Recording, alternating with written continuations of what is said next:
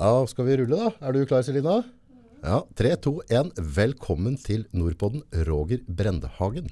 Oi, oi, oi. Det blir hyggelig. Tror ikke det blir stas. Jo, jo. Kan vi kalle deg kanonfotograf? Nei, heller Nikon-fotograf, tror jeg. Nikon. Ja, ja, Ja. ja.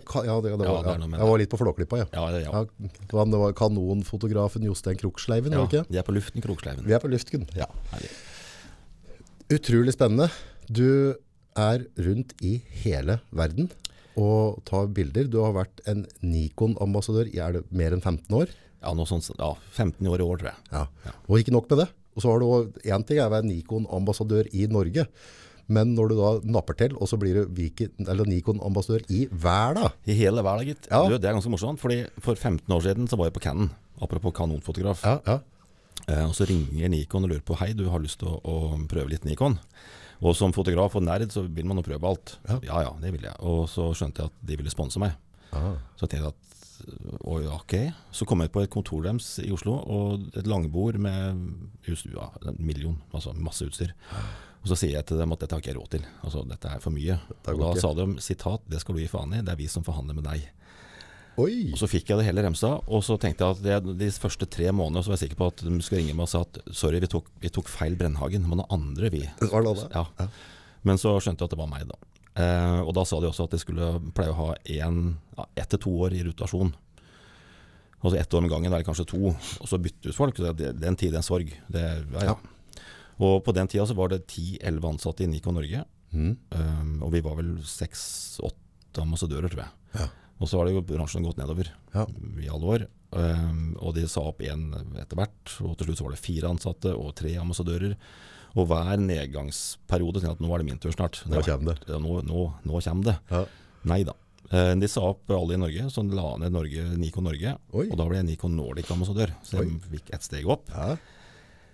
Og i mars i år så fikk jeg beskjed at eh, vi tre som var igjen i Norden, Nordic, altså dvs. Si Norge, Sverige, Finland, baltiske stater osv., de skulle også bort. Så, Ok, etter 14 år så er det vel på tide å, å stå på egen hånd. Men eh, nei da. Da ringte de for Japan. Så nå fra 15. juni i sommer så ble jeg da global ambassadør, og det er jo kjempestas. Fordi eh, altså jeg er ikke verdens beste fotograf. Jeg er jo ikke det. Det finnes mange dyktige fotografer, men jeg, jeg tror jeg er veldig dyktig på å være synlig. Ja, men så er det ikke Altså, foto, da. Uh, si altså, for meg så fotografer altså det er en kunstform. Altså det er en måte å uttrykke seg på, på måten du eksponerer og, og komponerer bildene dine. Mm. Så på en måte å kåre verdens beste fot... Altså, altså vi er gode på hver vår måte, er vi ikke det? Jo, vi er. Angeles. Jo. Ja. Altså Egentlig så er jeg liksom mot uh, konkurranser, egentlig, men jeg, jeg har vært med og vunnet noen og blitt premiert både her og der, for det vil jo mine sponsorer synes er fint. Og det er bra for at Ja. merkevaren Brennhagen skal komme seg fram. Men jeg er helt enig, for hvorfor er min elg finere enn din ulv, eller motsatt? Ja. Men jeg, hadde, jeg, også, jeg sitter jo i, i styret i Norsk, Norske Naturfotografer, som er sånn forbund eller forening for eliten av norske naturfotografer. Ja. Og hatt mange dyktige, eller gode, ikke debatter, da, men jo, samtaler om. Fordi at Hvorfor skal det egentlig altså, Vi begynner på nytt. For det første, jeg tar bilder hver dag. Ja. Og jeg lever og selger bildene mine for å liksom selge det jeg har. Ergo en profffotograf, da. Ja, Artikler, bøker osv. Og, og i konkurranser så skal du helst eh, vise bilder som ikke har vært vist før. Altså ikke har vært publisert før. Ja. Og jeg har liksom ikke tid eller lyst til å liksom spare det beste bildet i en skuff Nei. til den ene gangen i året eller Nei, nei, den ene dagen. Jeg gjør det jo selvfølgelig mer og mer, men, um, men, men hele poenget med at uh, også i Norge har vi ekstremt mange dyktige norske naturfotografer, og vi ligger i verdenstoppen. De gjør det? Ja, altså Audun Rikardsen, uh, vi har mange dyktige også, som virkelig okay. gjør det stort. Så gøy. Jeg er kanskje en av dem innimellom, men, men vi inspirerer resten av Ikke si verden, da, men vi inspirerer mange til å tenke nytt. Og det er fordi vi bor i et, et land som har mye. Altså Vi har Svalbard eh, fra nord, vi har eh, fantastisk natur. Mye villmark, som eh, selv om den blir nedbygd mye, selvfølgelig, men vi har mye å, å ta av. Mm. Klart jeg bor i Tyskland, i Ruhr-området, så er det ikke så mye bjørn eller noe annet. Men, så vi vi er heldige Ja. at vi kan, selv her hjemme på, på berget, få til mye fint. Og tenke nytt, tenke nye vinkler, nytt utstyr. Bruken og, og ikke, mus- ikke minst bruke tid. Mm. Altså, og det bruker vi mye av. Men det, når du er ute altså i, For dere som ikke kjenner eh, Roger så- altså, i fjor var over, tre, over 300 reisedøgn i fjor, var det det? 328. Ja, og så har vi 365 dager i løpet av et år. Ja, så jeg var mye hjemme. før det. Det første så du er ikke gift du da? Eh, nei, jeg har prøvd, men eh, nei, jeg har ikke det. nei, altså det, det blir jo sånn da, fordi så lenge dyrene bor på forskjellige steder, så må jeg dra dit de bor. Og så har jeg litt flaks da, eller ikke flaks, men jo, heldig kanskje, for at jeg får, jeg får reist nesten hvor jeg vil. Um, 70% av det jeg gjør, finner jeg på sjøl, Ja, sånn cirka. Og resten så vil folk ha meg dit de vil ha meg. ja. Så eh, i, fjor så hadde jeg vel altså nok en gang 328 reisedøgn. Eh, Jeg husker ikke akkurat hvor jeg var, men jo da, Japan, India, Mongolia, Afrika på forskjellige steder. Mye i Norge og Norden, selvfølgelig. Eh, Men der, og Antarktis var jeg også i fjor. Og hver ekspedisjon tar kanskje til to, tre, fire uker. Så klart det blir mange dager ute på mange nye steder. Så liker jeg å reise. Altså, jeg får ofte spørsmål blir ikke sliten. Jeg er ikke sliten nå, liksom. Og akkurat nå er jeg ganske sliten, for jeg har hatt workshop hver dag i tre uker. Hver dag. Um, og da blir man godsliten. Ja. Men jeg blir sånn innimellom lei at folk altså, 'Nå er du sliten, Roger'. Liksom sånn jeg må Hvorfor skal sli... jeg tror ikke du blir sliten altså hvis du driver med det du brenner for. Nei, altså hvis jeg hadde stått eh, på en fabrikk eller et kontor eller noe annet, så hadde jeg sikkert vært dritsliten. Mm. Det vet jeg hadde vært. Men jeg er mer godsliten. Mm. Eh, Det er en men- forskjell der. Ja, men jeg har blitt flink da, for nå har jeg blitt relativt gammel etter hvert. Så jeg, jeg må liksom ta meg noen så Helgene mine er nesten alltid opptatt med workshop, kurs, foredrag, reiser. Ja. Så nå når jeg er ferdig her i dag, så skal jeg rett tilbake til fjellet. Fjellet. Ja, du har flyttet? Å, ja. Dovre. Oi, oi, oi. Da skal jeg være der, og ikke gjøre en Kan man si drit på radio? Ja, ja, Ja, det skal ikke gjøre en dritt. Ingenting. God mat, god. Oi, oi, oi. Jeg gleder meg. Er ikke det litt dårlig? Bare, bare, ikke, bare ikke gjør noe, bare. Ingenting. Ikke litt bort på et bilde. Jo, jo. Ja, sånn. Er det fine, fin så går jeg ut, selvfølgelig. Men du må jo være et sånn naturbarn. For altså, en ting er altså reisedøgn, så ser vi liksom, her snakker vi deilig frokostbuffeer, førsteklasses suiter og sånne ting. oh, ja. Men du, du kan jo råke til å sove opp i en tre. Du, selektiv tålmodighet. Jeg har ett bilde som er måte sånn verdenskjent. En fullmåne med en fjellre foran. En Ja. fjellre med fullmåne bak, da, for å være presis. Ja. Eh, og det tok meg ti år. Ti år. Ja, fra jeg fikk en, en idiotidé. Og det som er så dumt med å være kreativ som jeg er, at jeg har alltid med 10-12 bilder i hodet. Altså ideer på at dette jeg har lyst til å få til, om det er ny teknikk, undervannsting, altså masse rart. Og jeg sitter i bilen mye, og da har du tid til å tenke og notere og, og snakke med deg sjøl. Og da finner jeg på rare ting. Og For 14 år siden så fikk jeg på den ideen at feller ved fullmål, det må jeg få til. Det er klin umulig, men det må jeg prøve på. Ja. Uh, og det gikk etter ti års prøving. På Dorefjell, og klart jeg var ikke på Dorefjell hver fullmåne i, ti år. Mange fullmåner er det? Ja, det er én i måneden. Så, Det ja. er tolv i året. Ja, og da var det 100, 120 fjellrev i Norge på den tida. Og så skal du ha Og, og, ja, hør nå, også, Det er dårlige odds. og den gangen jeg fikk det til, da kjørte jeg fra Sverige, altså 78 mil. Eh, I augustfullmånen det året så kjørte jeg da, meldte yr og, storm og alt, meldte gode forhold. Kjørte oppover, 78 mil. Kvarter før man kom opp der det her var mulig å få til, så kom det én sky akkurat der. Eh, Og da lærer du deg ca. 120 nye banneord og kjører 78 mil hjem. Men nå gidder jeg faen ikke mer. Nå- nå holder er det, det. nå holder det. Nå må vi finne på noe annet. Men september full- fullmånen, da fikk jeg låne husker jeg, en, en BMW X5 tror jeg, fra Oslo. Og hadde litt dårlig tid, så jeg rakk det. Ja. Var oppe på fjellet kanskje kvart kvarter 20 minutter før det begynte å smelle igjen. Og da satt det. Tenk på det. Ja. Og jeg har en datter òg, så jeg har vært lykkelig mange ganger. Men jeg tror jeg var, da gikk det noe brunt brennevin etterpå. Ja. Det er, Jeg var helt, og eh, tidskondeksen, eller tidskodeksen, jeg hadde sju minutter fra månen kom opp til han forsvant. Altså han opp på himmelen for høyt opp. Og det hadde med assistenten min. og da måtte ræven sitte der. Ja, han satt og han gikk og tusla litt. Batteri og minnekort, alt i orden. jeg hadde tre kameraer, assistenten min, han som jeg fylte bufferen på ett kamera, og fikk nytt kamera, bare krrr. Kjørte.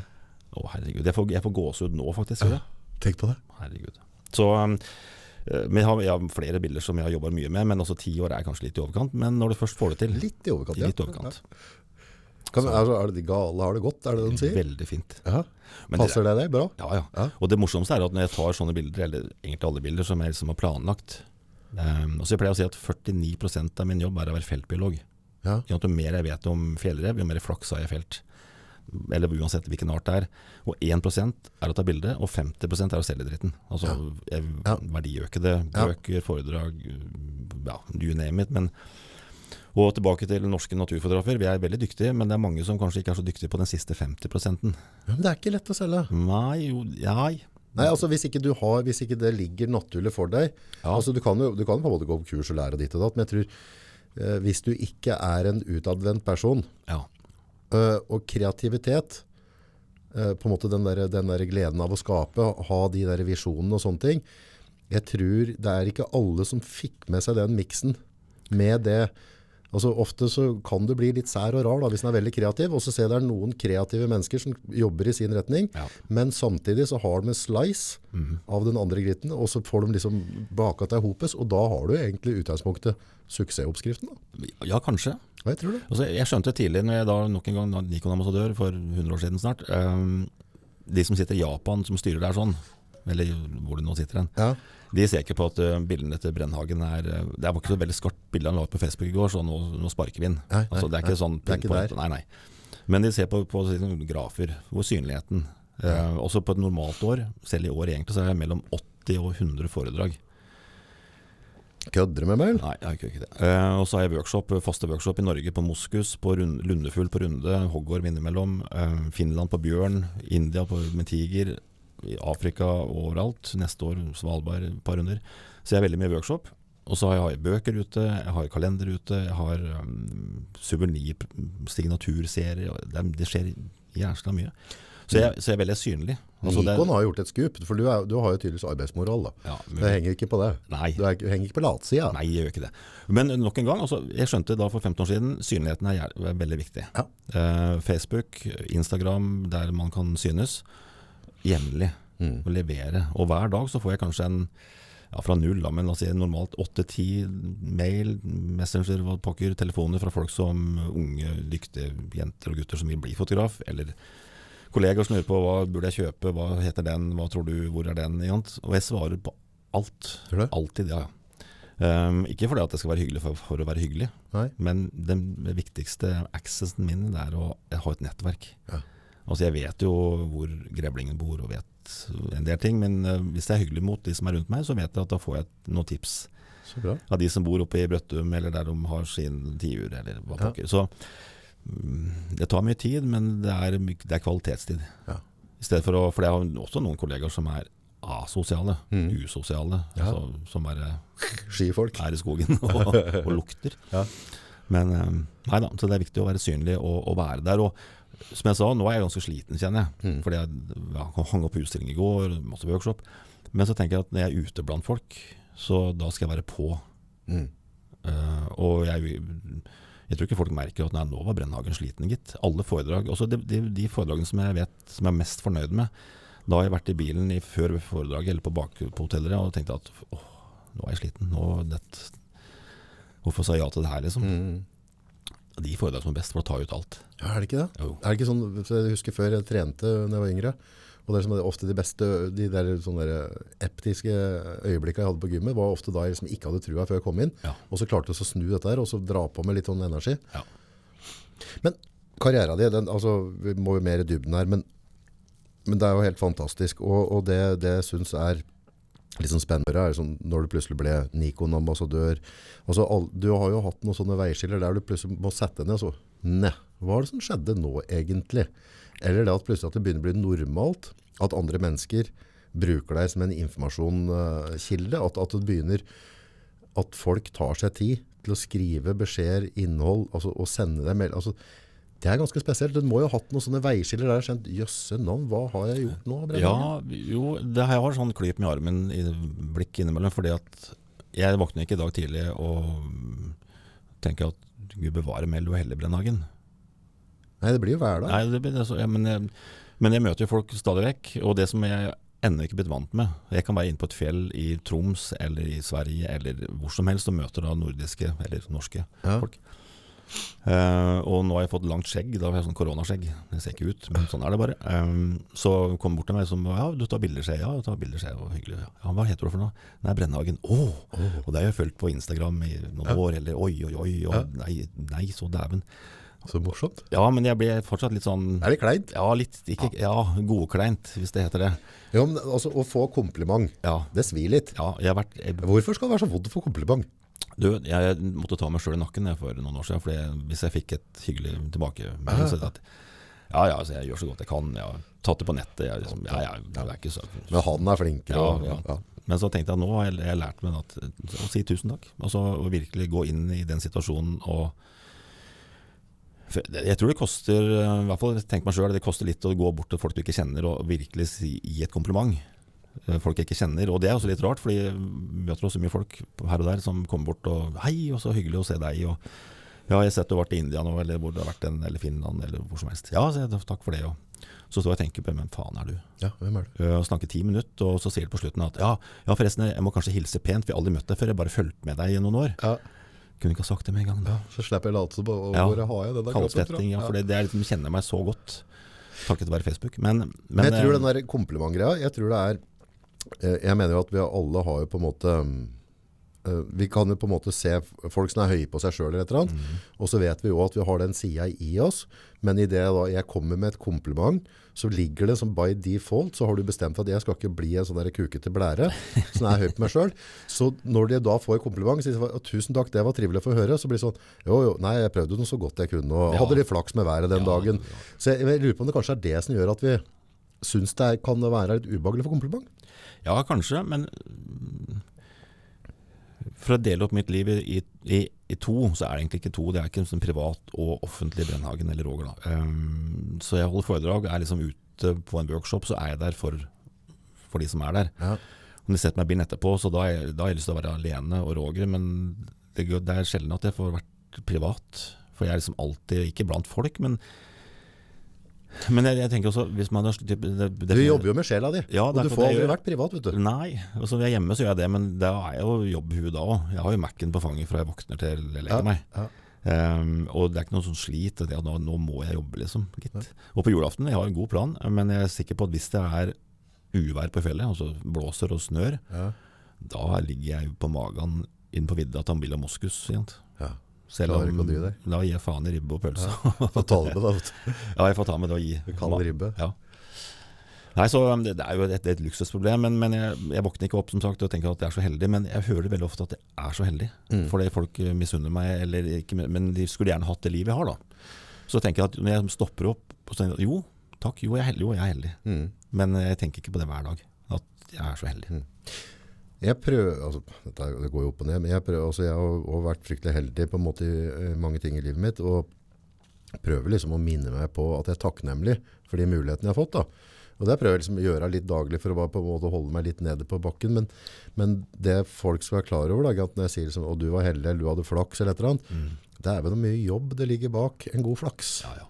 Altså Du skal ha mye kunnskap. Du skal, være, altså, du skal kjørt mange sånne 70-miler oh, ja. for å få den flaksa. og få akkurat... For det var jo ikke sånn når du tok bilde av den fjellreven at du bare fant på den nå i kveld, og så tok du en tur opp, og så traff jeg, for månen var altså, Ja, Det er ikke sånn flaks. Det er ikke det. Nei. Nei, altså det er um, jo mer, jo mer jeg planlegger, og mer flaks har jeg heller Altså Jeg har alltid en plan, da. Eh, og nå skal jeg hjem på fjellet nå etterpå. Da er det kanskje for mørkt å ta noen bilder, men jeg har alltid kameraet liggende klart. Ja.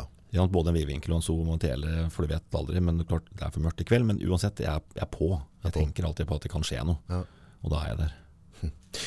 For dere som sitter og ser på nå, og ser på direkten, så kommentarfeltet det er lov å bruke. Så klem på noen Ja. spørsmål til Roger og sånne ting, og så, så får dere får rett svar Også, vet du. Ja, så hvis det er ting dere lurer på. Ja.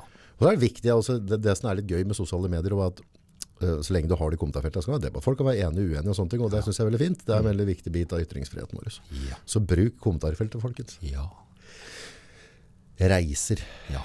Det, altså, vi pratet briefly innom det før vi gikk inn her nå, at, eh, at jeg tror på en måte du lever drømmen til en veldig, veldig stor andel av menneskene i verden. Rett og slett. Det å, å Du er kreativ, du jobber med det du, du elsker, og så får du se andre lukter, kulturer, se dyr. Du får oppleve altså, du, du får rett og slett reist rundt i verden, men samtidig så har du liksom i den reisa, så har du en rød tråd. Du er ute etter å skape ditt kunstverk. Ja. Og det er litt kult, for det er ofte hvis du skal reise, hvis du skal bare sitte og drikke øl, så, så, så blir, liksom, blir jo bare alt graut. Men du har jo på en måte fått reise rundt i alle verdens hjørner, mer eller mindre, med en misjon. ja. Det må være altså, Det hørtes fint når du sa det sånn. Um, ja, jeg har, jeg har det, da. Um, mm, nå skal jeg ikke damtalke meg sjøl, men klart, det- jo da, jeg sa ikke det. Uh, men hvis jeg, jeg skulle egentlig vært i Japan akkurat nå, Ja. jobbe med et hjørneprosjekt. Um, og eller, vi kan ta India som er enda bedre eksempel, for det har vært også veldig mye, fem- fire-fem uker i år i ti år. Jeg drar dit primært for tiger, altså rovdyr, Ja. og så slanger. Slanger er min spesialgreie. Liker du slanger? Å ja. Det er så ille at jeg faktisk tatoverte Norges lengste hoggorm på armen min. Oi, Min mor er ikke så glad i det, men Nei. eh, shit, det. shit happens. Ja da. Men Nei, slanger, altså, men må, altså, jeg har jo sett noen bilder av deg som tar noen bilder, Ja. og du er jo idiotisk nære et, et giftig vesen. Ja, det Ja. er det. Så, så du er jo litt on dare hunter også. Altså, altså, du, du kan jo ikke være helt fremmed for at du synes det er greit å få en sleis av adrenalin. Jeg har blitt bitt, faktisk. Har du det? Ja, jeg har det. Men jeg beit tilbake igjen. Beit tilbake. Ja, jeg gjorde det. Nei, du, det skjønte jeg tidlig når jeg begynte um, som fotograf for 20 år siden snart. Så var det lettere å selge bilder av farlige dyr enn søte dyr. Ok. Valper er ikke så lett å selge. Nei. Og når jeg var liten, altså kjempeliten, så bodde jeg på Langhus mm, på Ski. Ja. Og etter det ildseng, så jeg er Åh. hedmarking oppi der. Og, og moderen, eh, hun hører sikkert på snart, og hun er livredd for slanger. Hun pisser på seg og besvimer og, gjort, og hun er helt eh, bak mål. Eh, For hun hadde en traumatisk opplevelse som barn. Tok på en hoggorm og ikke bitt, men det var et eller annet. Og Ja. det, det skal man ha respekt for.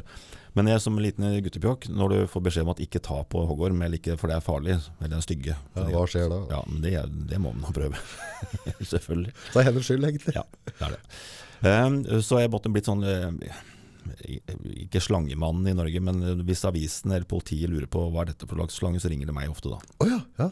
Eh, og hvis folk har slange på hytta si eller på kjøkkenet sitt, eller hvor det måtte være, så er det får jeg telefon ofte. Er det sånn som kan gå og plukke tallene ut også? Å ja. Ja, så du bryr deg ikke med deg, nei? Nei, Så du kan vi håndtere dem? Ja, vi håndterer dem, og, og, og, fjerner dem, flytter dem da. Hva er det verste slangen du har tid til som er mest giftig, Det det dummeste jeg har gjort. Ja, det er et godt utgangspunkt. Hva er det dummeste du har gjort? Nei, du, øh, jo, jeg skal fortelle, det har jo flere. Ja. Eh, hvor lang tid har vi egentlig? Eh, for en ca. ti år siden så hadde jeg, mm, jeg hatt mye workshop i Oslo Reptilpark. Ja, for på den tida var det ikke lov å slange i egne hjem. Det er det blitt lov da, de siste par åra. ok. Men jeg har hatt workshop der sikkert 100 ganger. Så det er en egen park med masse reptiler? ja, masse slanger. Han som eier det heter Are, og så var det ved han en kaffe i Oslo en dag, og så sier jeg til ham at um, vi kom inn på fobier. Mhm. For jeg en, hvis jeg har en workshop med tolv personer, så er det kanskje én eller to som står litt lenger bak i starten, for de Ja. syns det er litt skummelt. Men i løpet av tre-fire timer i parken der, under kyndig veiledning og alt det der, så, blir de, så går de forbi forbien sin. Fordi de tar på en slange, og det er ikke ekkelt å ta på, alt det der. Men så sier jeg til Are sånn tilfeldigvis at eh, jeg har, kanskje mareritt, hadde mareritt to-tre ganger i året på det bråvakta midt på natta med noen slangehistorier. Bebitte et eller pokker. Så å si at det er tåpelig, for jeg jobber med slanger ganske så ofte, og jeg er ikke redd dem. Og da ha mareritt, altså på ordentlig sånn svette, stå Ja, opp og bare ja, ja. Og så sier Are flere litt, ja han kunne skjønne det, men uh, da skal vi bli kvitt den fobien, sier. Fordi nå har vi fått inn to amazontreboaer. Det hørtes ikke bra ut. Nei, som beslag av politiet. Og på den tida, hvis det ble beslag, så fikk parkene til, eller muligheten for å adoptere dem. Ja. Hvis det var en art som var spesiell. Og så De er i karantene en uke til, men hvis du kommer ned mandag neste uke, så, kan, øh, så tar vi dem ut. Så, kan, så de biter deg garantert, sier han. Så kjenner du hvordan, hvor vondt det er eller ikke er, så blir du, liksom, blir du vant med det. Ok, så vi skal prøve å bli bitt. Ja, Kjempe. så sa jeg ja til det, da, selvfølgelig. Ja. Og den helga mellom så hadde jeg foredrag for Nikon Norge og noe stort greier et eller annet sted. Og sitter rundt et bord og forteller til sjefen min i Nikon at jeg på mandag skal bli bitt av en slange. Og sånn og sånn. Fortalte det bakenforliggende. Så sier han ja, dritkult, eh, for vi skal lansere Nikon 1 på mandag. Mhm. Det er et, var et, eller er fortsatt et lite speilløst kamera som har sånn mm, slow motion-effekt. Ja, Så da tar vi med sånne fire sånne kameraer, så kan vi filme at du blir den. så klart. Kjempefint. Um, Nå er det ikke mulighet til å rygge ut av det. Nei, og det er derfor jeg sa det egentlig, for å ikke ha noe, noe nødutgang. Jo da, kom ned dit, satt opp fire kameraer rundt meg, og så har jeg lest dagen før at den slangetypen er sånn. De henger etter halen i et tre, helt musestille, spent som en fjær, og de tar fugl. Så de, de biter på kjappe. Ja, ekstremt. Så sto det også i en bok da, at eh, det er også de som har hatt den i, fangenskap, selvfølgelig, at eh, hvis man skal mate dem, så bruk en tang eller noe tilsvarende, fordi eh, de, kan, de biter garantert. Ofte så de har mye tenner, da, så de kan ta ut et kjøttstykke i armen din hvis du blir bitt. Så prøv å ikke dra til deg armen hvis du blir bitt. Kan jeg bare avbryte og si at du er en dust? Og så står jeg der, og dette her ligger også på, på min YouTube-kanal for de som har lyst til å se hvor idiot jeg er. Men eh, jeg står Ja, hvor liksom, ligger det på YouTube? Den, ja, på min egen YouTube-kanal. den heter Roger Brennhagen. Gå inn og subscribe, folkens. Ja, men jeg står og holder hånda mi liksom, for å ikke nappe til med hånda. Ja, så ikke du Ja, får noe tjafs sånn- ut. Og, Ja, ja. Og jeg fikk fem bitt. Det første litt opp på al- albuen, og så gikk det litt nedover. Og så sier han Espen Espevallen fra Nikon sto bak til venstre, og så jeg, jeg tok liksom bort hans kameravinkel med den hånda her. Ja. Uh, Så venstrehånda mi, så jeg tok bort den for han skulle liksom Ja. få Og da beit den over hånda mi. Uh, og jeg napper til med hånda som skulle starte en gammel båtmotor. Ah. Det var ikke i nærheten av å være kjapp nok. Men jeg fikk da fem gode bit. Um, Jeg beit ikke tilbake igjen, og etter det har jeg ikke hatt ett mareritt. Og dette ble ti år siden nå. Ja, men nå ga du meg et, da. Ja, Så da kan du ringe til Are på Reptilpark og bli bitt. Blir ja, altså, jeg bare kjenner jeg synes det, bare, altså, det er et reptiler høl på, altså, gjennom huden. Jeg syns det er bare ufint. Og jeg, og jeg, jeg er ikke noe glad i slanger. Det er ikke sånn at jeg, at jeg våkner opp Men jeg vet jeg var på et eller annet sånn, en, bar i Bangkok, så klart. Ikke sant? Og så der går de rundt med sånne, en, en, en eller annen sånn kveileslange av noe slag. Ja. Så var det noe som var funny, da. Så de bare, de bare lempa en sånn rundt. Uh, og jeg hadde jo litt promille, og så var jeg på en måte Jeg var ikke forberedt på det. Så det jeg oppdager, er at jeg får noe tyngde på meg, så ser jeg trynet på en sånn slange. Og da reagerer jeg bare intensivt, så jeg hogger bare tak i. Så jeg bare flår tak i den og bare klemmer det jeg kan rundt, rundt halsen på den. Og da, da var det, slangen ble jo stressa av det, det sier seg sjøl. Jeg skulle bare sittet rolig, ikke sant. Ja, ja. Så da ble det litt travelt der. Ja. Ja, for da begynte den å kveile seg litt rundt meg. Eller, altså, det var, det var, så de fikk det litt travelt med å få den av. Men jeg, jeg så det der huet, og jeg tenkte, i pokker. Altså jeg kan guffent. Hvis jeg ser en slange under bordet her nå, Ja, en skygge, så hadde jeg sikkert eh, kvekket det litt. Men eh, jeg oppsøker jo de der de bor, jeg da. ja. Jeg hadde stått på bordet og skreket som en kjerring. Men det dummeste jeg har gjort med slanger, dette var både kontrollert, men jeg var i India i et par år siden, um, og da er vi på jakt etter eh, indisk um, rock python, altså steinpyton, mm. Kveldslange? Ja, Ja. fem, seks, sju meter, ganske, ja. Ja.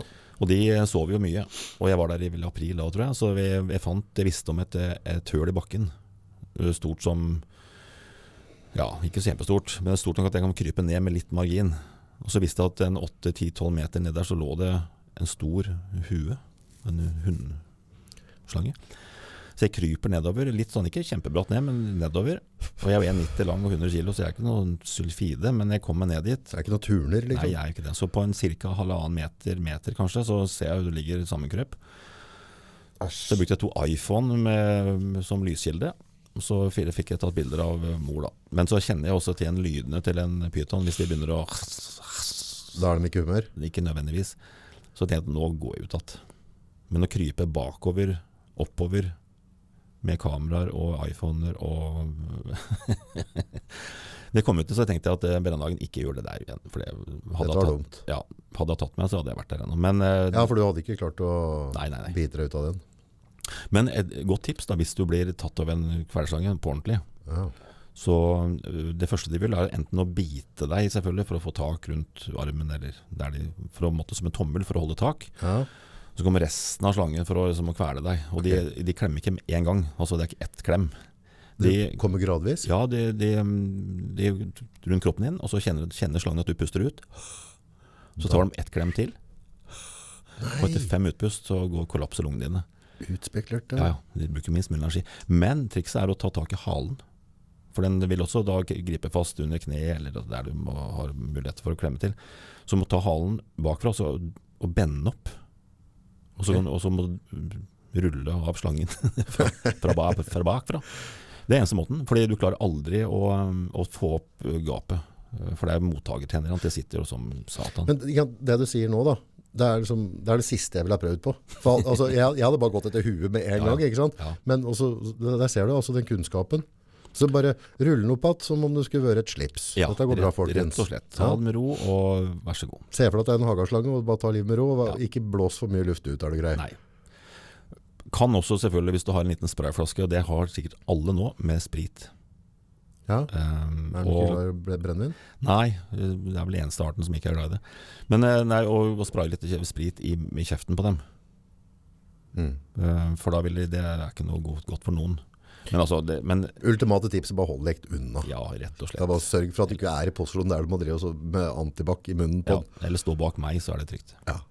Men slanger altså, Jeg kjenner jeg synes det, jeg blir litt sånn ubekvem av det jeg, det er, altså, det, det er, De står ikke i samme hylla som valper de gjør åt meg, da, men, Nei. men når du skal ta bild, hva er det som fascinerer med, med å ta foto av en slange? Altså, Hva er essensen i et perfekt slangebilde for deg? Det er noe med Beauty and the Beast. Fordi mange av de slangene som man ser bilder av sånn her og der, er liksom med åpne tenner og stygt og liksom farlig. Ja, Um, og da ta, ta norske hoggormen, da, for et godt eksempel. Fordi når jeg var liten, så fikk jeg vite at den var kjempeskummel og huff og huff og æsj og var ja slått i hjel. Ja, ja. ja. Og da jeg bodde på Langhus, så var det mye hoggorm. Og jeg kan huske at fattern, da var jeg sånn 5-6-7-8 år, men at eh, han tok nok ljåen og, og ordna opp. Men jeg var fascinert, og så tenkte jeg at eh, hvorfor er den så farlig? Hva hva er det Ja. som gjør at den er så skummel? I Norge så dør det én person hvert tiende år i snitt. Og det er gjerne en som er hyperallergisk eller noe annet. Ja. Ja. Eh, vet du hvor mange som dør i verden i løpet av et år av slangebitt? Aner ikke. Tipp. Million? Nei, det er i overkant. Eh, 125 000 ca. Og kanskje 400 450 000 dør, eller ikke dør, om de får varige skader. Amputere mm, Det er mye. Det er mye Ja, ja. folk. Og i India, så klart hvis farmor dør, eller Bangladesh dør i en natt, og ingen som begynner å se etter at det er to stikk under beinet eller et eller annet. Så mørketallet er kanskje såpass stort som 80 000-100 000, og på de 100 000 og 125 000. Da. Så WHO, eh, var det fjor sommer, de har nå sats, satsingsområde de neste to årene på å lage bedre antistoff, eller antivirus da, mot slangebitt. Ja. Kjempeproblem i resten av verden. Og så har vi på berget her sånn én slange som tar ett menneske hvert tiende år. Ja, det er ingenting. Men, Har du med deg antistoffer ut? Nei. Hvorfor ikke? Eh, nei, Gi meg en god forklaring på det du Jeg bruker alltid refleks. Jeg føler meg trygg Ok. i trafikken. Nei, det er fordi at eh, jeg vil ikke provosere slangene. Og mine slangebiler det er at noen ganger så, så handler vi dem. Altså vi flytter på dem eh, fra veien. Eller, Men det har ikke vært greit å sprøyte med noe anti hvis du blir BT, at du har et eller annet som altså jeg vil ikke bli bitt. Nei, det vil ikke jeg heller. Nei. Nei, men eh, vi, type India og Sri Lanka, når jeg har vært der og jobba mye, så har jeg alltid med meg en voksen. Altså en, en herpetolog. Um, for hvis du ligger på magen og tar bilde av en pyton, eller noe annet morsomt, Ja. eller giftslange pyton, Ja, for du legger det i en sånn posisjon så du ikke kommer deg fort ut av det. Ja, off innimellom. Ja. Eh, og der det er én kobra, så er det gjerne flere. Så hvis du ser vet du, en foran deg som du jobber med, så kommer, det, kommer onkelen bak. Da har jeg med en voksen. Og noen slanger ser ut som er giftige, og ikke er det. Andre er motsatt. Ok. Er det en er- tommefingerregel på dette? Nei. Nei? Det er jo, det kan være hvis, hvis hodet er trekantet, så er det ofte en giftslange. Ok. Eh, At de er brede foran og går smalere inn? ja, Ja. litt sånn smalt Ja, foran og ja. rundt. Å, sånn, ja, ok. ja, der, ja. Eh, jo bedre kamuflert de er, kan også si litt om hvilken funksjon de har. Okay. Uh, men også men, Hvis de er godt kamuflert, vil si er de Altså Den slangen som tar flest liv i verden, er Russell Pit Viper. Den er litt som Mini Jacobsen, stuttjukk Okay. og ekstremt godt kamuflert. Sånn gammelt løv, også veldig Ser den ikke? Nei, og kanskje en 80-90-150 lang. Tjukk og kraftig. Og den tråkker du på, du, du ser den nesten ikke. Den tar flest liv, fordi at den ikke syns. Men så er det de som er knallgule, knallgrønne, som også er giftige, men som lever oppi trær og skal kanskje se ut som en frukt, eller altså være Mhm. kamuflert. Men eh, nei, jeg, jeg vil jo ikke dø av slangebitt, så derfor så vet jeg ganske mye om dem før jeg går inn i en situasjon. Ja.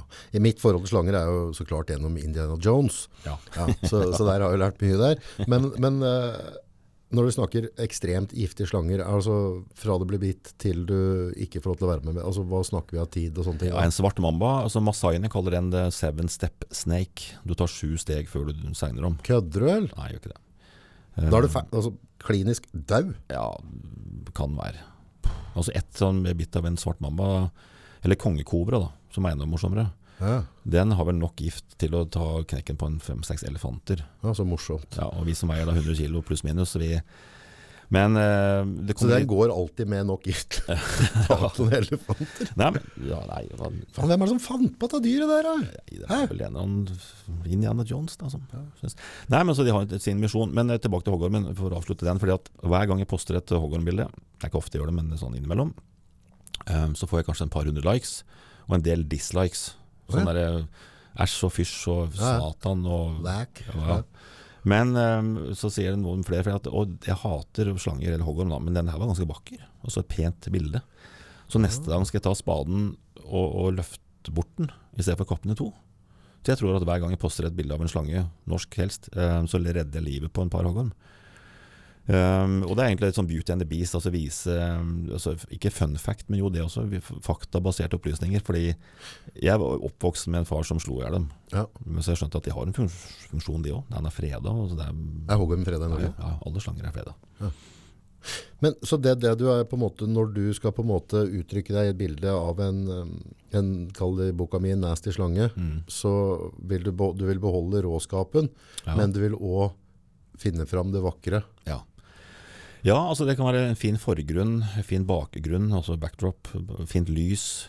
Uh, og mange av mine bilder så vil ikke, hogg, altså vil ikke ha slange som ser på meg og tennene ut og liksom ser stygg ut. Jeg har de òg selvfølgelig, men Ja, ja. Det er ikke det du søker etter? Nei, for jeg vil vise fram det vakre i det stygge, eller det vakre i det vakre for den del. Jeg syns slanger er vakre.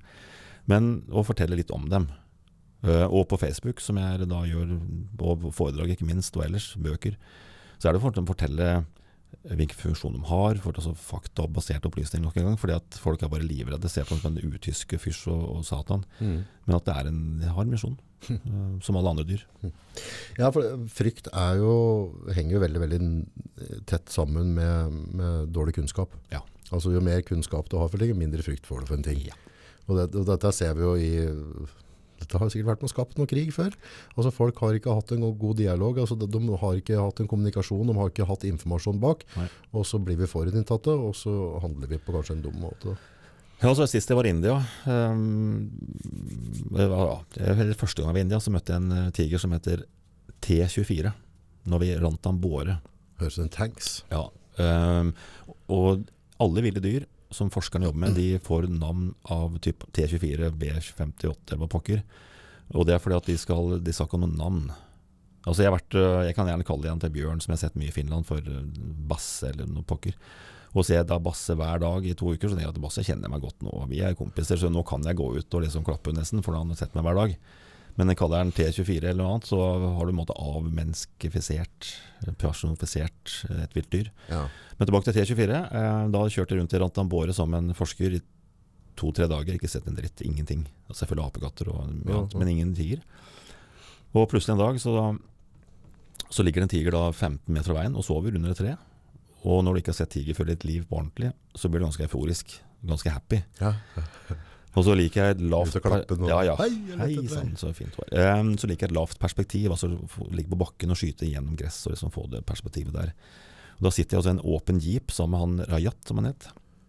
Uh, og har en 200-400 optikk, teleoptikk. Og bøyde meg ut av bilen så langt ned jeg kom, og bare krrr, kliner til. Og da sitter han forskeren bak meg og hvisker uh, This tiger have killed four people. Satan i helvete. da satt jeg midt i bilen, eh, akkurat i midten, og tenkte at vi tar nettopp.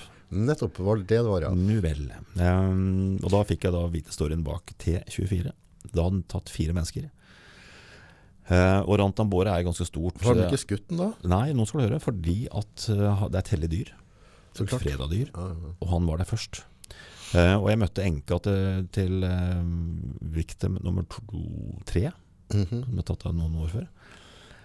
Prøvde å selge et bilde. Ja, ville ha bilde av tigeren som tok gubben. Ja. Nei, og, men, og hun sa at Da kom selgeren fram. Ja. Liksom. Du skal få to special price for you.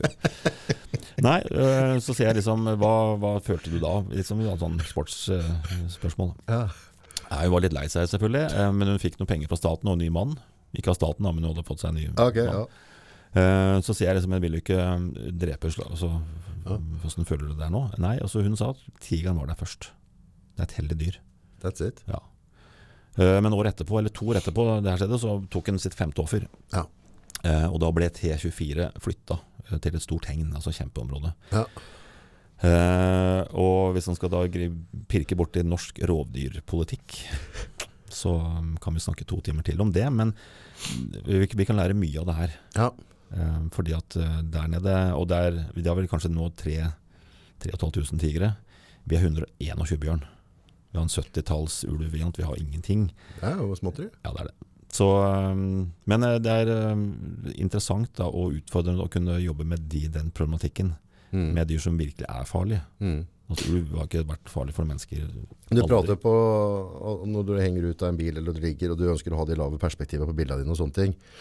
Eh, det som eh, jeg tror kan altså, dette vet jo du veldig godt, men, men i det du på en måte ser gjennom et objektiv da, du har kamera, du har linse, du driver og komponerer, du driver med dine ting, Mm.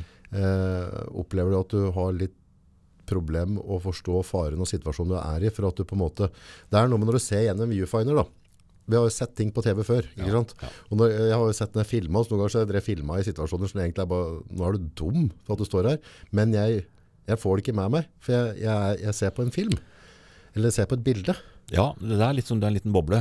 Jeg har hatt flere slangesituasjoner hvor noen har tatt tak i leggene mine, anklene mine, og dratt meg hurtig, men bestemt bakover. Ja. Eh, Men ja, det er en boble. Men jeg, vil ikke, jeg har liksom jeg vil ikke tråkke over. Men det har vært noen situasjoner hvor det har vært øh, Tenk etterpå at dette gikk jo fint, men det kunne gått verre. Ja. Så, men altså, sånn er det med Men hvis ikke du pusher det, så kommer du aldri til å få det der sensasjonelle bildet, Nell. Nei, men, Det er noe å ligge på edgen. men det dyret jeg har vært mest redd for, er elg, tror jeg.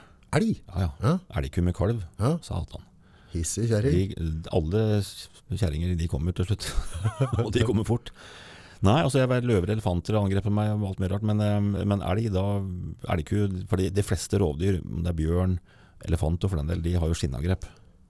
Hva kaller det for noe? Skinnangrep. De bare løper mot deg ti meter og Og så stopper de? stopper dem. Ok, Eh, Men en elgku med kalv, de, hun stopper ikke. hun fortsetter. Hun, og hun fortsetter til hun, fortsetter hun. Ja. Men eh, nok en gang, altså, jo, jo mer, det er så, det er jo å se an situasjonen. Jeg går ikke inn i situasjonen hvis det er utrygt. Nei, men det er med kunnskap igjen. Ja, ja. Absolutt. absolutt. Sjuke gud. Nei, men altså, det er dritt å være assistenten din. ja, Ja, ja, kom her nå, August, dette går bra. Vi bare går inn. Krabb nedi der, og så ta, her er det lis. Det eneste kriteriet at, for å bli min assistent er at du løper saktere enn meg. Ja. uh, og, jeg en av de assistentene mine, Tommy Østby, han eh, var med en, en par-tre-fire år. Og han hater slanger. Så Han var, var med ute i felt og hjalp meg, og sto siden av meg mens jeg holdt på med mitt. Men hadde jeg lagt en slange på skoene hans, eller på, ikke på Ja, han- da hadde han slått meg. Ja. Og han sier at eh, på en, på en hund så kan han se at det logrer og det mjaues og det holder på i han dyr, Ja. men en slange har ikke noe hale, og det har han. Men han sier ikke fra om er den sinna. Du har ikke mulighet til å se. Ingenting. Eh, Du må bare ta utgangspunkt i det verste. Ja. Og det gjør vi jo. Ja, det gjør du. Ellers hadde du ikke sittet der nå i dag. Nei, nei. Men når du farter rundt i verden, Ja. Eh, vi ser jo noe av det som ligger på bordet her. Du, du er jo en sånn gearhead, Ja. nerd, Ja. et eller annet, av verste sort. Mm. Men, eh, men hvordan er det, for det er jo forskjellige regelverk rundt i verden, og dere drar med seg masse presseutstyr inn i noen av landene her, det må jo kunne by på en eller annen utfordring det òg? Lurer på hva, Åkken er du for en egentlig? Hvorfor skal du ha ei sånn stor zoom-linse inn i landet vårt? Ja, nei, det er ikke så mye problem egentlig, men øh, hvis man skrur tilbake, tida tilbake ti år Jeg er så journalist har vært, og da har vi noe til pressekort osv. For en ti år siden så var journalister trygge i hele verden, Ja, stort sett. ja, Men det har skjedd et eller annet med ISIS og en par andre ting, at øh, selv de er ikke freda lenger. nei. Røde Kors er ikke freda lenger. Altså, Alle er fritt vilt. Alt er fritt vilt. Um, så den eneste gangen jeg har vært, uh, hatt væpna vakt på jobb, er faktisk i India. I India? Ja, ja. I Kasiranga for noen år siden. Helt, helt nord mot Nepal, eller oppi der. Um, nå skal du ha bilde av panserneshorn, Okay. og det er ganske kraftige saker, Det det er en irritert eh, sak det. Ja, ikke det? de kommer, de òg. Um, store, tunge. Um, og når vi kommer dit, eh, for da må vi fly, og bil for buss, og buss for tog, og kjerre for ja, det, det er lang tid å komme dit. Ja. Komme fram, og da har jeg en sånn profflisens som må stemples av politimester Bastian, for å bruke det utstyret jeg har. Ok, ja, For, for noen parker i verden, så hvis du har bare et vanlig kamera, altså ett kamera, så er det greit. Har du to, så må du ha profflisens. For da ser de at vi er liksom profesjonelle, og da koster det ekstra. Ikke mye, men det koster. Okay, okay, ja. Og det er greit nok. Uh, kom jeg dit midt på dagen, og han fyren her var rasende forbanna. Uh, og jeg lurte på om han hadde mensen, eller Ja, Mansen, eller hva det var. Uh, det hadde han ikke, men jeg spurte han til slutt hva, er- har du et problem med oss. Liksom? Nei, nei, oh, sorry, nei, det var bare litt irritert. Det skjønte vi. Eh, for en time før vi kom, så hadde de skutt to snikskyttere. Eh, at det var Nei, vi har skutt to snikskyttere akkurat for en times tid siden. Og da kryper jo journalisten min, i meg fram og lurer på er det mulig å ta bilde av dem. Eller liksom story. Ja, så klart. Ja, du må jo ta bilde av det. Alt annet. Nei, de har brent opp for lenge siden. De brant opp med en gang. Han bare tent på dem. Ja, gjorde det. Og så lurte på ok, men hva er dealen her? Jo, Kasiranga, den provinsen, så er det ikke lov til å eie våpen. Nei. Eh, og har du våpen i skapet, eller hvor du har den, så blir du skutt. Det er ikke noen Det er ikke eller- Nei, det er ingenting. Du blir skutt. Skutt der og da. For å beskytte panserneseren. Ene og alene.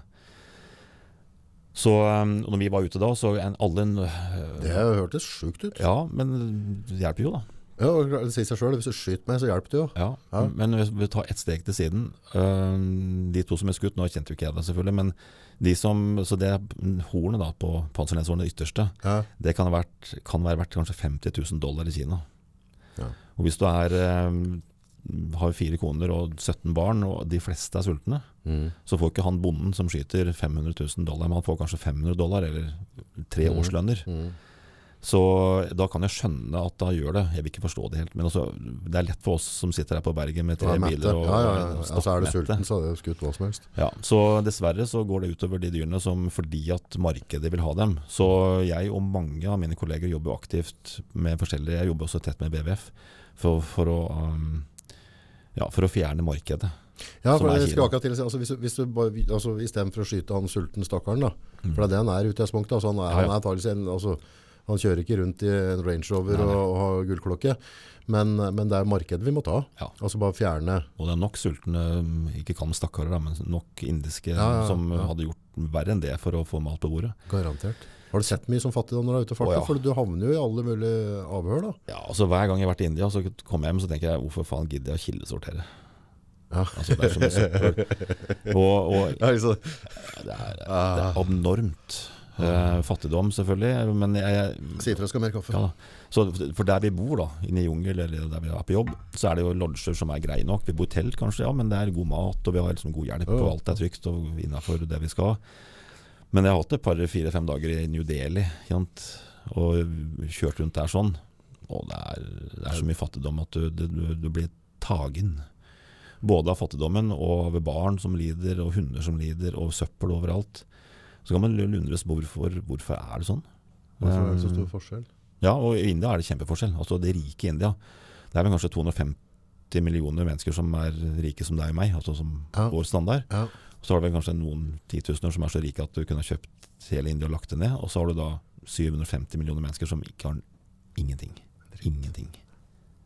Så um, det er litt sånn uh, reise i seg sjøl og reise i seg selv. Altså, for du, når du sitter der og er bevilga med det du har, du skal liksom hjem igjen og fortelle historier, og du tenker på fine bilder, og så ser du fattigdom bak deg som du må stoppe litt opp og Ja, så, så må du bare, du kan jo ikke hjelpe alle. Nei. Nei. Så, så han, må, han må jo dra et skjæringspunkt. da. Ja. Altså, klart, altså du, du har jo en unik mulighet. Du, som er, du kan ut og skildre, og så kan du kaste fokus på det. Ja. Kaste fokus på det markedet med neser. Altså, du kan gjøre en del ting der. Men, eh, men du og jeg har jo ikke makta til å forandre.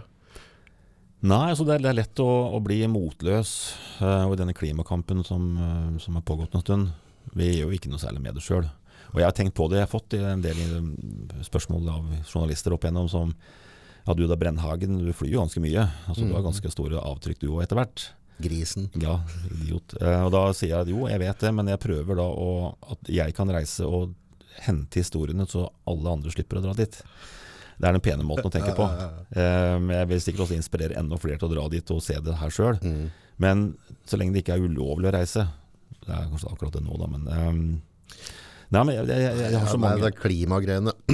Det, det jeg har Så klart vi må ta jorda vår på alvor og, og bruke huet. ikke sant? Altså Kardemommeloven den gjelder overalt. Ja. Så vi, vi kan ikke være dumme. Vi kan ikke bare tenke på ræva. Men, eh, men det så derre Nå er det jo altså sånn derre Jeg har en kompis som driver entreprenørfirma i Oslo. Mm. For at han skal få være med og regne pris på gravjobber, så måtte han kjøpe en møkka-elbil som han ikke gidder å bruke. Men hvis ikke han har registrert det på firmaet sitt, så får han ikke lov Nei. til å være med. Og så jeg hørt en annen historie om noe sånt der, etter at Anna kommune skulle ha la ut noe på den Doffin-greia. Mm. Eh, Så gikk de for et dyrere tilbud av at de kjørte el til og fra jobb.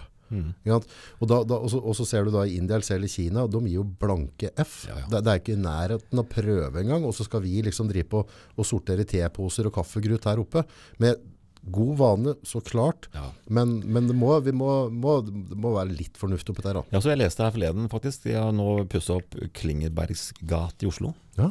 Eh, og det er det første prosjektet i Norge tror jeg, som var bare el-lastebil og el-gravemaskin og el alt Ja. på strøm. da. Men steinen kom fra India. Gidder du? Hva, hva er poenget? Nei, altså, det, Altså, jo, jeg skjønner vi må begynne et sted. Vi må, altså, greit. Men per i dag da, så er ikke batteri Den, den, industri, den har ikke kommet langt nok ennå. Men det er bra at vi begynner, og det er bra at vi legger til rette. Som gjør at industrien ser at vi kan kanskje gå i en mer fornybar variant. Et og sånt. ja, Men uh, vi må skjære med bremser litt innimellom. vi har en del stein i Norge òg. Ja, det har vi. Det er, ja, jeg tror du, du har sikkert sett mer av det, men jeg, jeg, jo, jeg er enig. Ja, men det- Ja, men det blir jo sånn som det der, det der operahuset inne i Oslo. Ja. Sikkert frakt det, men der de drev med en eller annen sånn marmorstein fra, fra Italia, var det? ja, jo. Så tror jeg de må toppe hele dritten. Men der er det også grønt, alt kanskje forbanna grønt. Ja. Men det tror jeg det er grønt i lunga at de som har bygd det, tror jeg. De røka mye grønt. Men poenget der hadde de fått inn noe marmor med feil farge, tror jeg. Ja. Og så slo de opp igjen alt. Ja. Og la det en tur til, for arkitekten ville ha en annen gultone i det. Kjempefint. Miljø. Ja. Italia! Nei. Det hadde vært en pizzabunn om en time, så jeg hadde vært med på det. Liksom. Vin eller sånt. Ja, ja, ja, vin, ja. Nå snakker vi.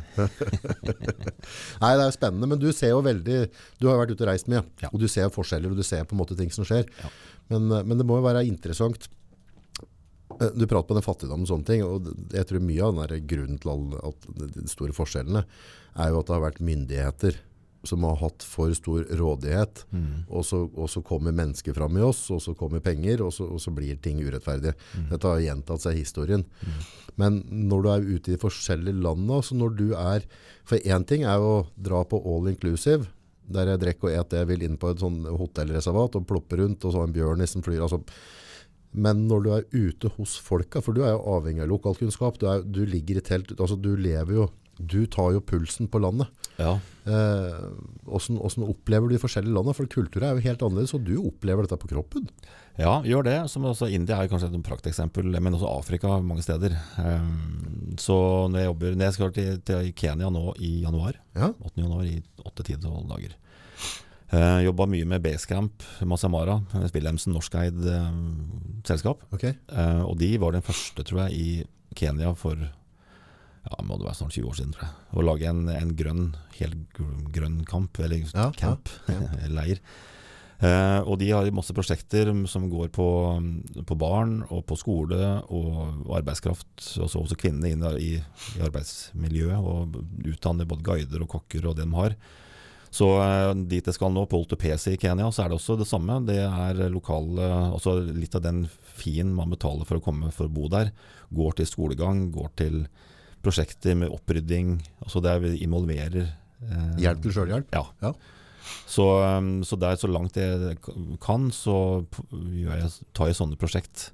Både for WWF og for andre, og for meg sjøl, som jeg selv i etterkant selvfølgelig. Og kunne vite at um, ja, jeg vil liksom ikke gå på bekostning av verken dyra jeg tar bilder av, eller samfunnet jeg jobber og med i.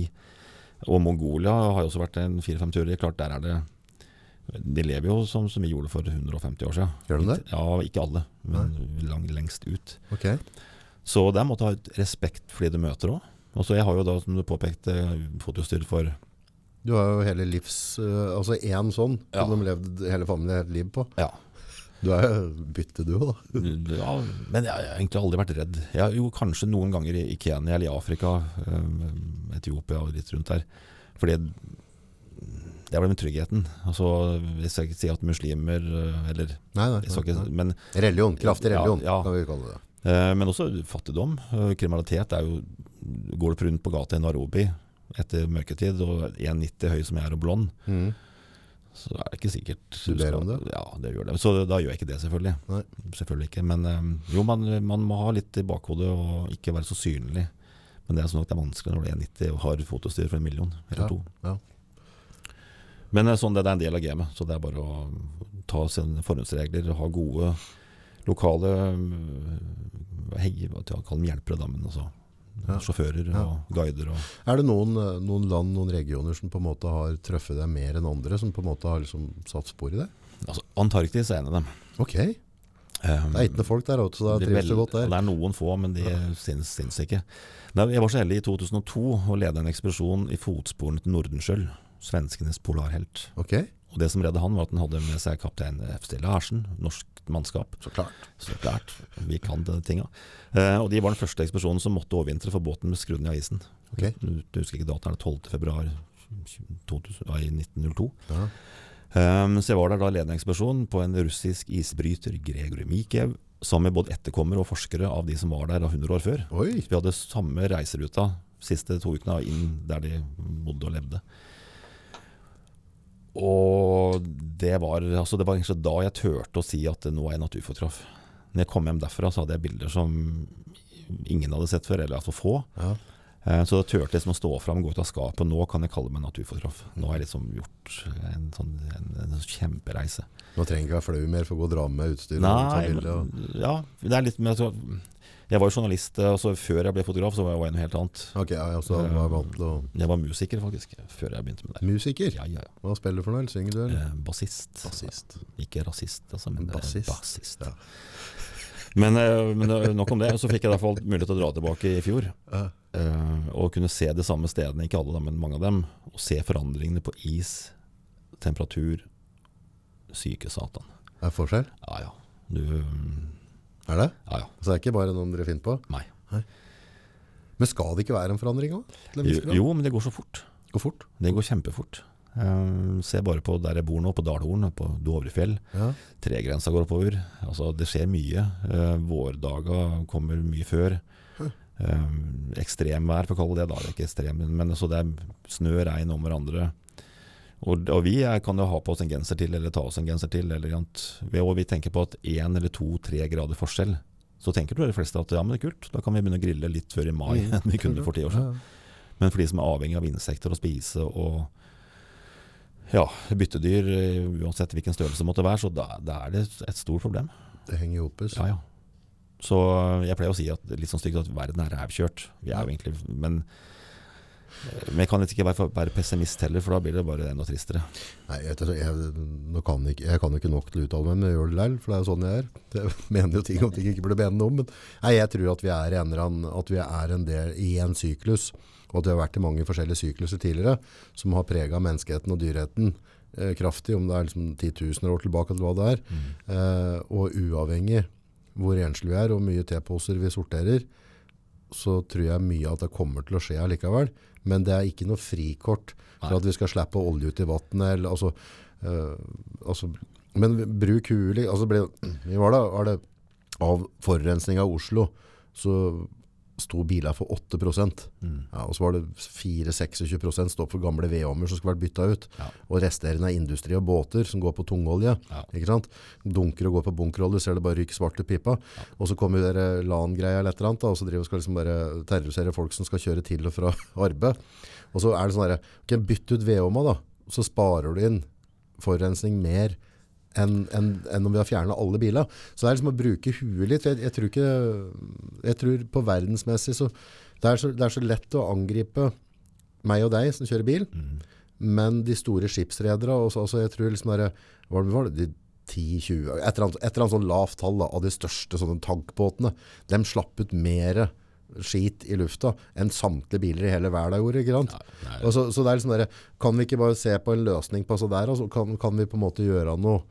Eh, men, men det er liksom, ja, altså, derav så tror jeg folk blir litt sånn kall det klimafornektere, for de ser at det, det blir litt urettferdig. Ja, så jeg, jeg kan ta ned på, på litt makronivå eller mikronivå, fordi jeg jobber jo mye for biologisk mangfold. Ja, Så jeg ser, sam, ser sammenheng mellom arter, dyrearter, habitater, også med leveområder. ja, Jeg, om det er ulv eller bjørn eller fugler for den del. Um, og det er jo flere og flere kommuner og fylker og for så vidt land og for den del som ser mer på det om både verneområder og måtte passe på og se på en del ting. Men det er veldig få av dem som evner å se den helheten, at det mangfoldet. Også Et eksempel, vi, vi skyter jo jerv mm. for fote. Mm. For fotet, fote, det vil si. Altså Vi skyter dem i altså, hiuttak. Eh, Vi har, det er Norge er vel det eneste landet som jeg vet om som har bestandsmål på dyr. Ok, Eh, I EU er ikke det lov. nei. Eh, Jeg har bodd i Sverige noen år, fram til for et par år siden. Og de har jo ikke noe sånn tak på hvor mange ulv det skal være. Eller, Nei, nei. Norge har det. Ja. Eh, og vi da bruker, da, tilbake til fjellreven, vi har da ca. tror jeg nå 250 fjellrev i Norge. Siste jeg leste om i går. 250, det er jo ingenting. Nei. Eh, og vi bruker en del millioner i året på et avlsprosjekt på Sæterfjellet på Dorefjell. Okay. Vi begynte i 2007, og da var det nesten ingen. Så vi har fôra opp, øh, eller avler opp, og setter ut 40-70 rev i året på, på Varanger, Hardangervidda, Dårefjell og diverse Oi. områder. Og det er bra. Det, er- det er et, et positivt prosjekt. Så vi bruker en del, eller vi, jo, vi Mm. bruker en del millioner på det. Eh, og så bruker staten også en del millioner på å skyte ut jerv. Mm. Eh, Betaler de for det ja, ja, fordi at de tar jo sau. Eh, og det skal være sånn maks uh, her og der. Så de bruker helikopter, snøscootere og SNO, Statens naturoppsyn, blir satt til å skyte ut jerv. Um, for det er et bestandsmål som er overgått. da. Mm. Men fjellreven er en dårlig jeger. Mm. Uh, jerven er en god jeger. Mm. Og alle måldyr som jerven er en del av, de kan, de kan være i stand til å drepe og legge ned da, et, et reinsdyr. Mhm. Gjerne skader fra før, men det er mulighet til å, å drepe et reinsdyr. Mhm. Og mårdyr de er som ekorn som flest. De gjemmer jo mat i dårlige tider. Mm. Så, og det vil si at jerven er en, er en nøkkelart For reven, ja. for reven, for rovfugl, for alle andre For det arter. stjeler mat av jerven. Ja. Så vi bruker millioner på å fôre opp tørrfôr til fjellreven, og så bruker vi mer- kanskje mer penger på å skyte ut den jegeren som kunne ha hjulpet fjellreven og andre arter i fjellheimen. Så det biologiske mangfoldet, hvis du møter en politiker som skjønner det begrepet, det, det, har ikke skjedd ennå. De, de ser bare på enkelte parametere, ikke på det store. Ja, for det, det, skal, altså, det er, alt henger jo hopus her på jorda, og, og bare, hvis folk skal bare få et sånn der, um, en metafor på det, så var det han onkel Mao, Ja. ja, han uh, gubben som rulla litt ned i Kina. Ja. Han, hvis jeg forstod det rett, så gikk han til angrep på spurven. Han Ja. mente at spurven åt så mye. Men det som skjedde var at de, de, kastet, altså de sendte flybrev. De knekte egg og ordna styra. De skulle rydde ut spurven, Mm. for den spiser så så mye tonn med korn. Det som skjedde var at spurven åt jævla mye grenshopper. Mm. Så det ble en sånn pandemi av det, og la ned, så jeg tror det var hungersnød på 60 Ja, ja. millioner mennesker for at den slo ut spurven. Ja. Og da kan vi, altså hvis en ikke forstår faren ved et mangfold, Ja. så har du et lite eksempel der, og det er ikke 250 år siden dette skjedde, Det var på 60-tallet eller et eller annet til 70. Så det, altså, dette, det, det skjedde i går. Ja. Ja. Jeg var i India, nei, i Kina for tre-fire-fem år siden. Jeg tok eh, tog fra Moskva til eh, Beijing. Oh, Transsibirsk jernbane. Nei, den vil jeg gjøre, jeg den- Var det bra? Å, fantastisk. Er det 14 dager eller noe, eller er det... Um, det kommer an på. Hvis du tar den til Vladivostok, så er det vel tolv dager i hvert fall. Men jeg stoppa opp tre-fire dager i Mongolia. Ja. Så jeg stopp- Det har jeg jo drømt om å få gjort da. Ja. Ja. Ja, Fantastisk. Men det er fader så dyrt. Ja, er det det? Tror, eller, nei, altså, kom igjen, du får jo en vanvittig. Jeg tror jeg sist jeg sjekket det var 40-50 000 for en billett eller noe. Nei, det, er- nei, nei, det tror jeg egentlig ikke. faktisk. ikke faktisk. nei. Hvis du drar på høsten, og så ikke midt på sommeren kanskje. Men okay. eh, min billett, jeg fikk den da, men eh, vet du, noen og 20 30 000 kanskje. da kunne du sove. Men, men da, da er det som da et i vogn, og du stopper kjøpe mat på Ja, ja. siden av skinna. Og, Og det som var så fint, er at jeg hadde Jeg skulle jo Det var sånn kombinert jobbreise, selvfølgelig, da, men jeg skulle jo jobbe i Kina. Men jeg hadde jo med meg Mac-en min, og satt og så på Poirot. så nydelig. Hæ? Og litt brun brennevin. Og, Oi, oi, oi. og jeg er såpass som brunt brennevin direkte? Det er whisky, da. Helst single malt. Single malt. Da er jeg på. Ja. Og selvfølgelig hvit duk på restauranten. Og det var ja, ja. Sitt. Eh, Og hvis du setter meg på en, en sandstrand Det går jævlig dårlig. Altså Hvis jeg har god bok og en eh, iPhone eller et eller annet og hører musikk. Ja, ja. Men å sitte på tog, og du vet at her skal jeg sitte på ræva nå i åtte dager Var det nydelig? Ja, helt perfekt. Og så er det sånn never ending story. Altså, du, du, du får inntrykk hele tida. Ja. Og lyden på toget, du sovner du, det er, oi, oi, oi. Så god bok, og du møter jo selvfølgelig mye Har du noen bilder av det, eller? Eh, ikke, der? ikke, ja, ikke her faktisk, men jeg har mye selvfølgelig. Men eh, poenget mitt med, med Kina, jeg var jo der på jobb, og klart Jeg møtte en, jeg hadde en sjåfør som kunne litt engelsk, og derfor jeg leide den. Og så Mm. spurte jeg en sånn, for jeg leste boka til han Færøvik, eh, tror jeg han heter, som i hvert fall en bi biografi om Mao Mm. på vei til Kina. Okay, ja. Og leste alle de gærne historiene han har gjort. Han var gæren. Ja, klin gæren. Og så spurte jeg han guiden min etter en par dager, og så, sånn forsiktig Ja, hva syns du om Mao, liksom? Sånn.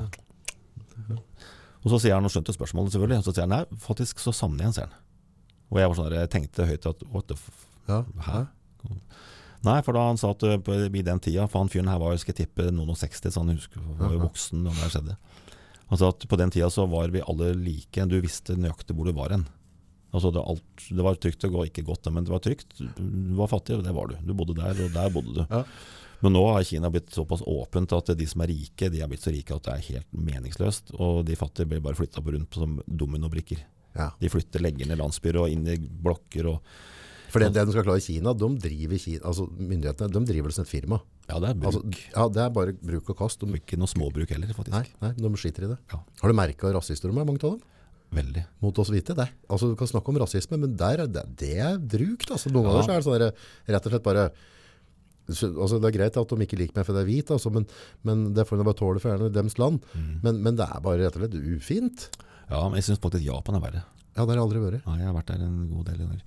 Og de eh, Ja, jeg har også gode venner i Japan, så det er, jeg sa ikke til alle og en kan. Nei, men- nei, nei. nei. Men det er noe med å, å arve hat.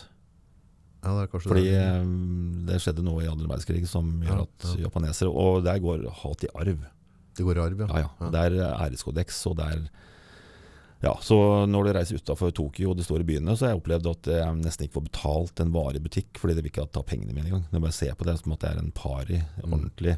Men tilbake på hotellet mitt så står de med hvite hansker og bukker og er så høflige at du nesten føler at du er en engelsk lord i India på Ja, 70 ikke 1870-tallet. Men jeg har opplevd i Kina, på altså, noen hoteller så har det vært veldig bra, og så andre hoteller så er det sånn at hvis det da jeg står da på en måte i køa mi og skal inn, og, og så, så ser den resepsjonen bare kikke forbi meg, og så ser han på kineseren bak. Ja. Altså, det er bare, vi blir ferdig med dem fra landet vårt først, og så skal jeg hjelpe deg etterpå, kamerat. Er Ja. bare, ok, betaler jeg ikke flere tusen kroner natta for å bo her, liksom? Er ikke pengene mine gode nok for det? Men også ser vel i Afrika, jeg skal ikke snakke så mye om rasisme, men det går vel mer kanskje på, på sinne ut ifra kolonitid, Mm. hvis en tar liksom litt lange steg bakover. Men, eh, men eh, det er sånn, og klart jo mer du vet om den kulturen du reiser inn i, om det er Finland eller Tyskland eller India, hvor som helst, hvis du er klar over det. Mm. Um, og religion skal man ikke kimse av, og kle seg sømmelig og ikke gjøre ting som ikke er på kut- deres, Mm. så går det som helt greit. Mm. Og jeg merker også med, med kamera på ryggen, um, så blir det ganske godt mottatt. Fordi, og, og kanskje også India, at de har, og ikke minst Afrika, de har sikkert noe å klage på, men de vil gjerne fortelle eh, en journalist. Da, som er også fortelle historien sin. Ja, og hvis du da tar deg tid til å lytte, og ta et bilde av dem, og ser på veggen bak deg, så har du noen fine bilder. Ja. Og jeg har også ofte med meg kamera, så jeg kan printe ut og gi dem bildet der og da. Ah, så bra. Eh, og klart et lite barnesinn som aldri har sett seg sjøl på trykk før, får et sånt polaroid-bilde Ja. av seg sjøl.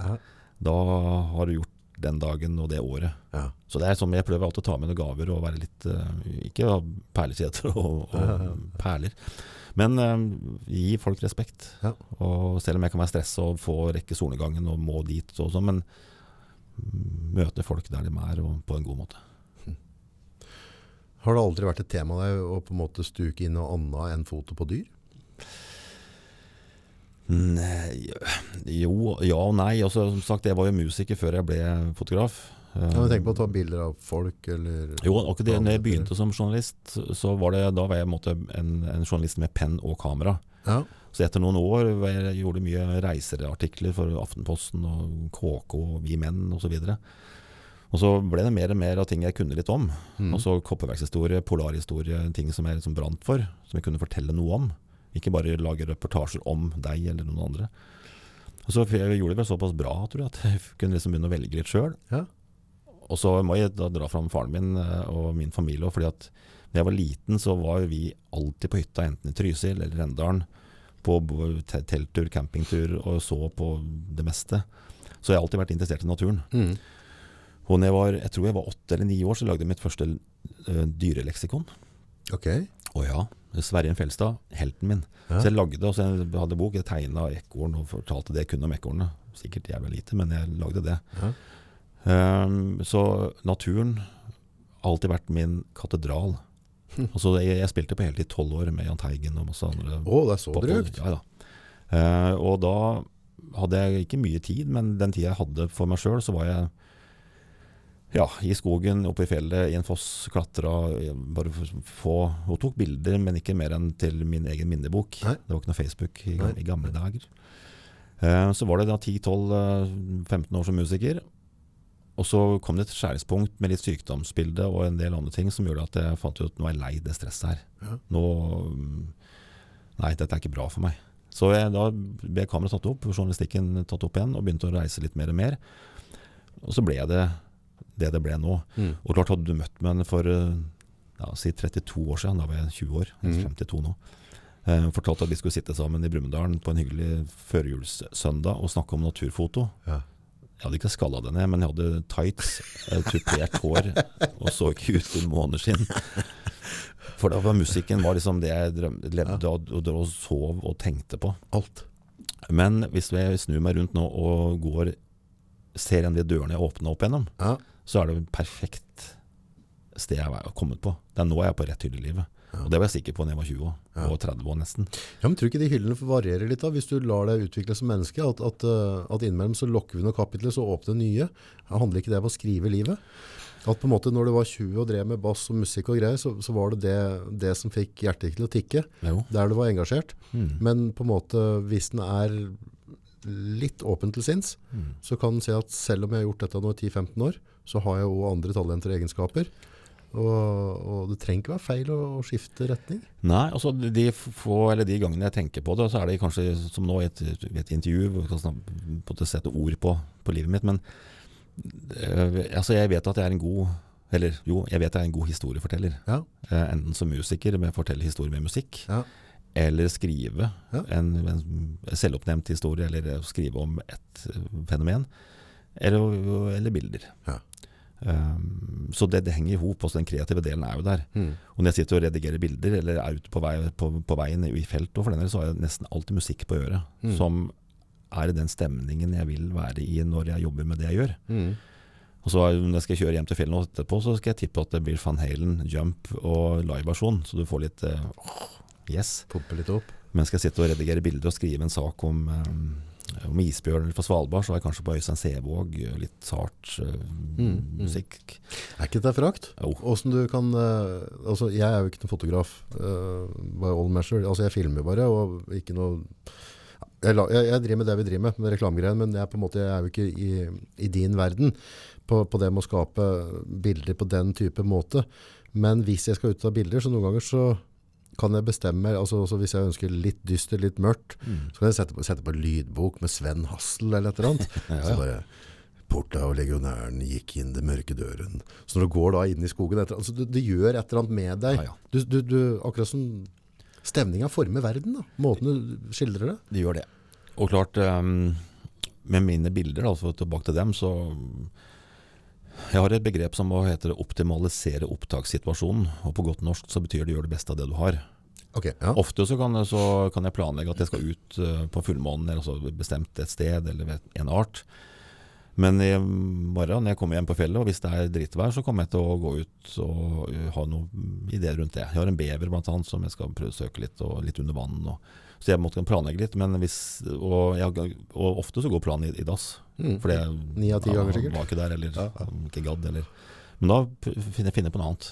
Ok, ja, gjør, Altså- ja, da, da skifter du fokus, og sier ok, bæveren var ikke her, men kanskje, kan hva kan jeg se etter annet? Ja, og det går på min egen ferdighet, men også kamera, bruke en annen teknikk, et, et filter, en annen brennvidde, altså et, bruke teknikken som er til rådighet for å få til Nå er vi et land med mye, mye, mye mørkt, det er mørkt der i noen uker til, eller måneder til. Men da er det å vite når er dynet mest aktiv, ved grålysning og være på rett sted. Så det, det er mye planlegging. Og, og det som er morsomt, når jeg gjør de tingene der sånn som jeg er mest fornøyd med, så tar jeg bilder for meg sjøl. Mm. Jeg, jeg er inne i bobla mi. Mm. Um, og der trives jeg veldig godt. Jeg er kjempesosial, men jeg også må ha mine egne bobler. Lik å fryse òg? Ja, jeg liker det ikke, men jeg har så mye, mye klær. Jo, men det er en greie. Jeg har faktisk, for å være veldig intim, jeg har fått urinveisinfeksjon én gang. Ja, Aldri mer. aldri mer. Lært. Da lå jeg på magen oppe på Dårefjell i minus da, 20-25 minus og vind. og Da er det ganske kaldt. Men så lenge jeg har en idé om å få moskus i solnedgang, så tenk, kjenner jeg ikke at det er kaldt nedentil Nei, før dagen etterpå skulle pisse. Da, var det rått. da så gikk det Ja. Jeg lurte på hva het hun for den? Ja, ja, Nei, da, det var- Ja, hva faen det var, da, Hvor har jeg vært nå? Ja. Nei, men du, du glemmer litt det, ja. Men det er klart, fryser fryse liker vi ikke. Men eh, jo, det blir kaldt. Men eh, har du en idé på Altså, vil du nok? Det er det jeg tenker jeg har mye i bakhodet. For jeg har jo nå i høst, da, for å ta litt tilbake til hva som skjedde i våres Mm. Det, det er jo noe pandemistyr. Ja, det stemmer. Ja. Eh, fredag 13. Så klart. Det er en dag som er dårlig i enhver situasjon. Utgangspunktet så er det dårlige greier. Men i år så skulle jeg da lansere en bok og en utstilling om, om Antarktis. Antarctica i Oslo. Um, og den hengte opp på onsdag, da var den liksom ferdig. Og torsdag så gikk jeg rundt og pusla litt med lyssetting. Liksom. Så tenkte jeg skal, og da hadde jeg 120 gjester som kom på fredag. Mm.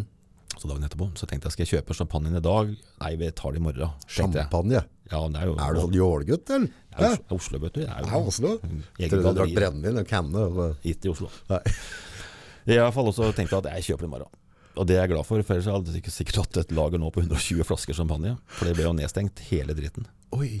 Um, Ja, ikke sant. men så tenkte jeg da at ok, det er litt kjipt da. Du liksom gleda deg og liksom klart det masse arbeid bak. Ja, ja. Men så tenkte jeg at det er sikkert bare nedstengt et par uker, så kan det Ordner seg. Ja, nå ordner seg det, men det har ikke skjedd. Men nok en gang så tenkte jeg at hva faen gjør jeg nå? Mm. Ikke med champagnen som jeg ikke har kjøpt, men altså hva, hva skal jeg gjøre nå? For det skulle egentlig vært etter Kenya og India og alt det sølet der. Mm. Og, og um, ettersom jeg er ganske positiv utgangspunkt og kreativ, så jeg at nei, nå skal jeg ta det, gjøre det beste ut av det. Optimalisere opptakssituasjonen min. Mm. Hva kan jeg gjøre nå? Jo, nå er jeg litt i karantene, eller iallfall lockdown jeg også, så da er det Hoggormen kommer opp på våren i Norge, tiurleik, årfugleik, så jeg fikk gjort Altså jeg elsker våren, da. Ja. Så jeg fikk vært hjemme i norsk vår på første gang på ti år. Ja. Og så har jeg begynt å ha mer flere workshop i, i Norge, for det kunne man ha lov til. Altså ikke reise ut. Ja. Og så midt på sommeren, når det ble enda verre igjen, så tenkte at hva gjør jeg nå, liksom? For jeg skulle egentlig vært i Yellowstone. Altså jeg skulle reist egentlig hele høst. Um, og jeg har hatt noen sånne mentorkunder opp igjennom. Mm. Um, Mentorkunde, hva er det for deg? Ja, det vil si at jeg har en fotograf som, uh, i hvert fall som ble til nå, da, at jeg bor hjemme hos meg på tunet på gården. Mm. Enten i gjestehuset eller inn, hos meg, hvis jeg kjenner dem litt fra før. Mm. Uh, og er mentoren deres et døgn eller to. Mm. Starter gjerne i forkant med å planlegge litt hva du vil. Mm. Og så tar de med seg sine 100 beste bilder. Mm. Eller iallfall de 100 bildene som representerer dem som fotograf. Mm. Eller seg sjøl som fotograf. Så bruker vi en tre-fire timer kanskje på å analysere dem. Gå gjennom bildene deres. Og ikke sånn idol at det var fint og det var stygt. Men sånn komposisjon, teknikk, eh, redigering. Så se på bildene, for da får jeg et inntrykk av hvem de er. Mm. Og da er vi såpass ærlige og redelige i sofaen min at da det er ikke sånn kosestund, Nei, nei. men kreativt, konstruktivt. Og så noen vil ja, ut og ta bilde av moskus, eller jobbe med filter på landskap. Andre vil lære seg å skrive, andre har lyst til å bare bli bedre som fotograf. Og så er det med meg da ett eller to eller tre eller fire dager, og så har vi et løp etterpå hvor vi har lagt en plan.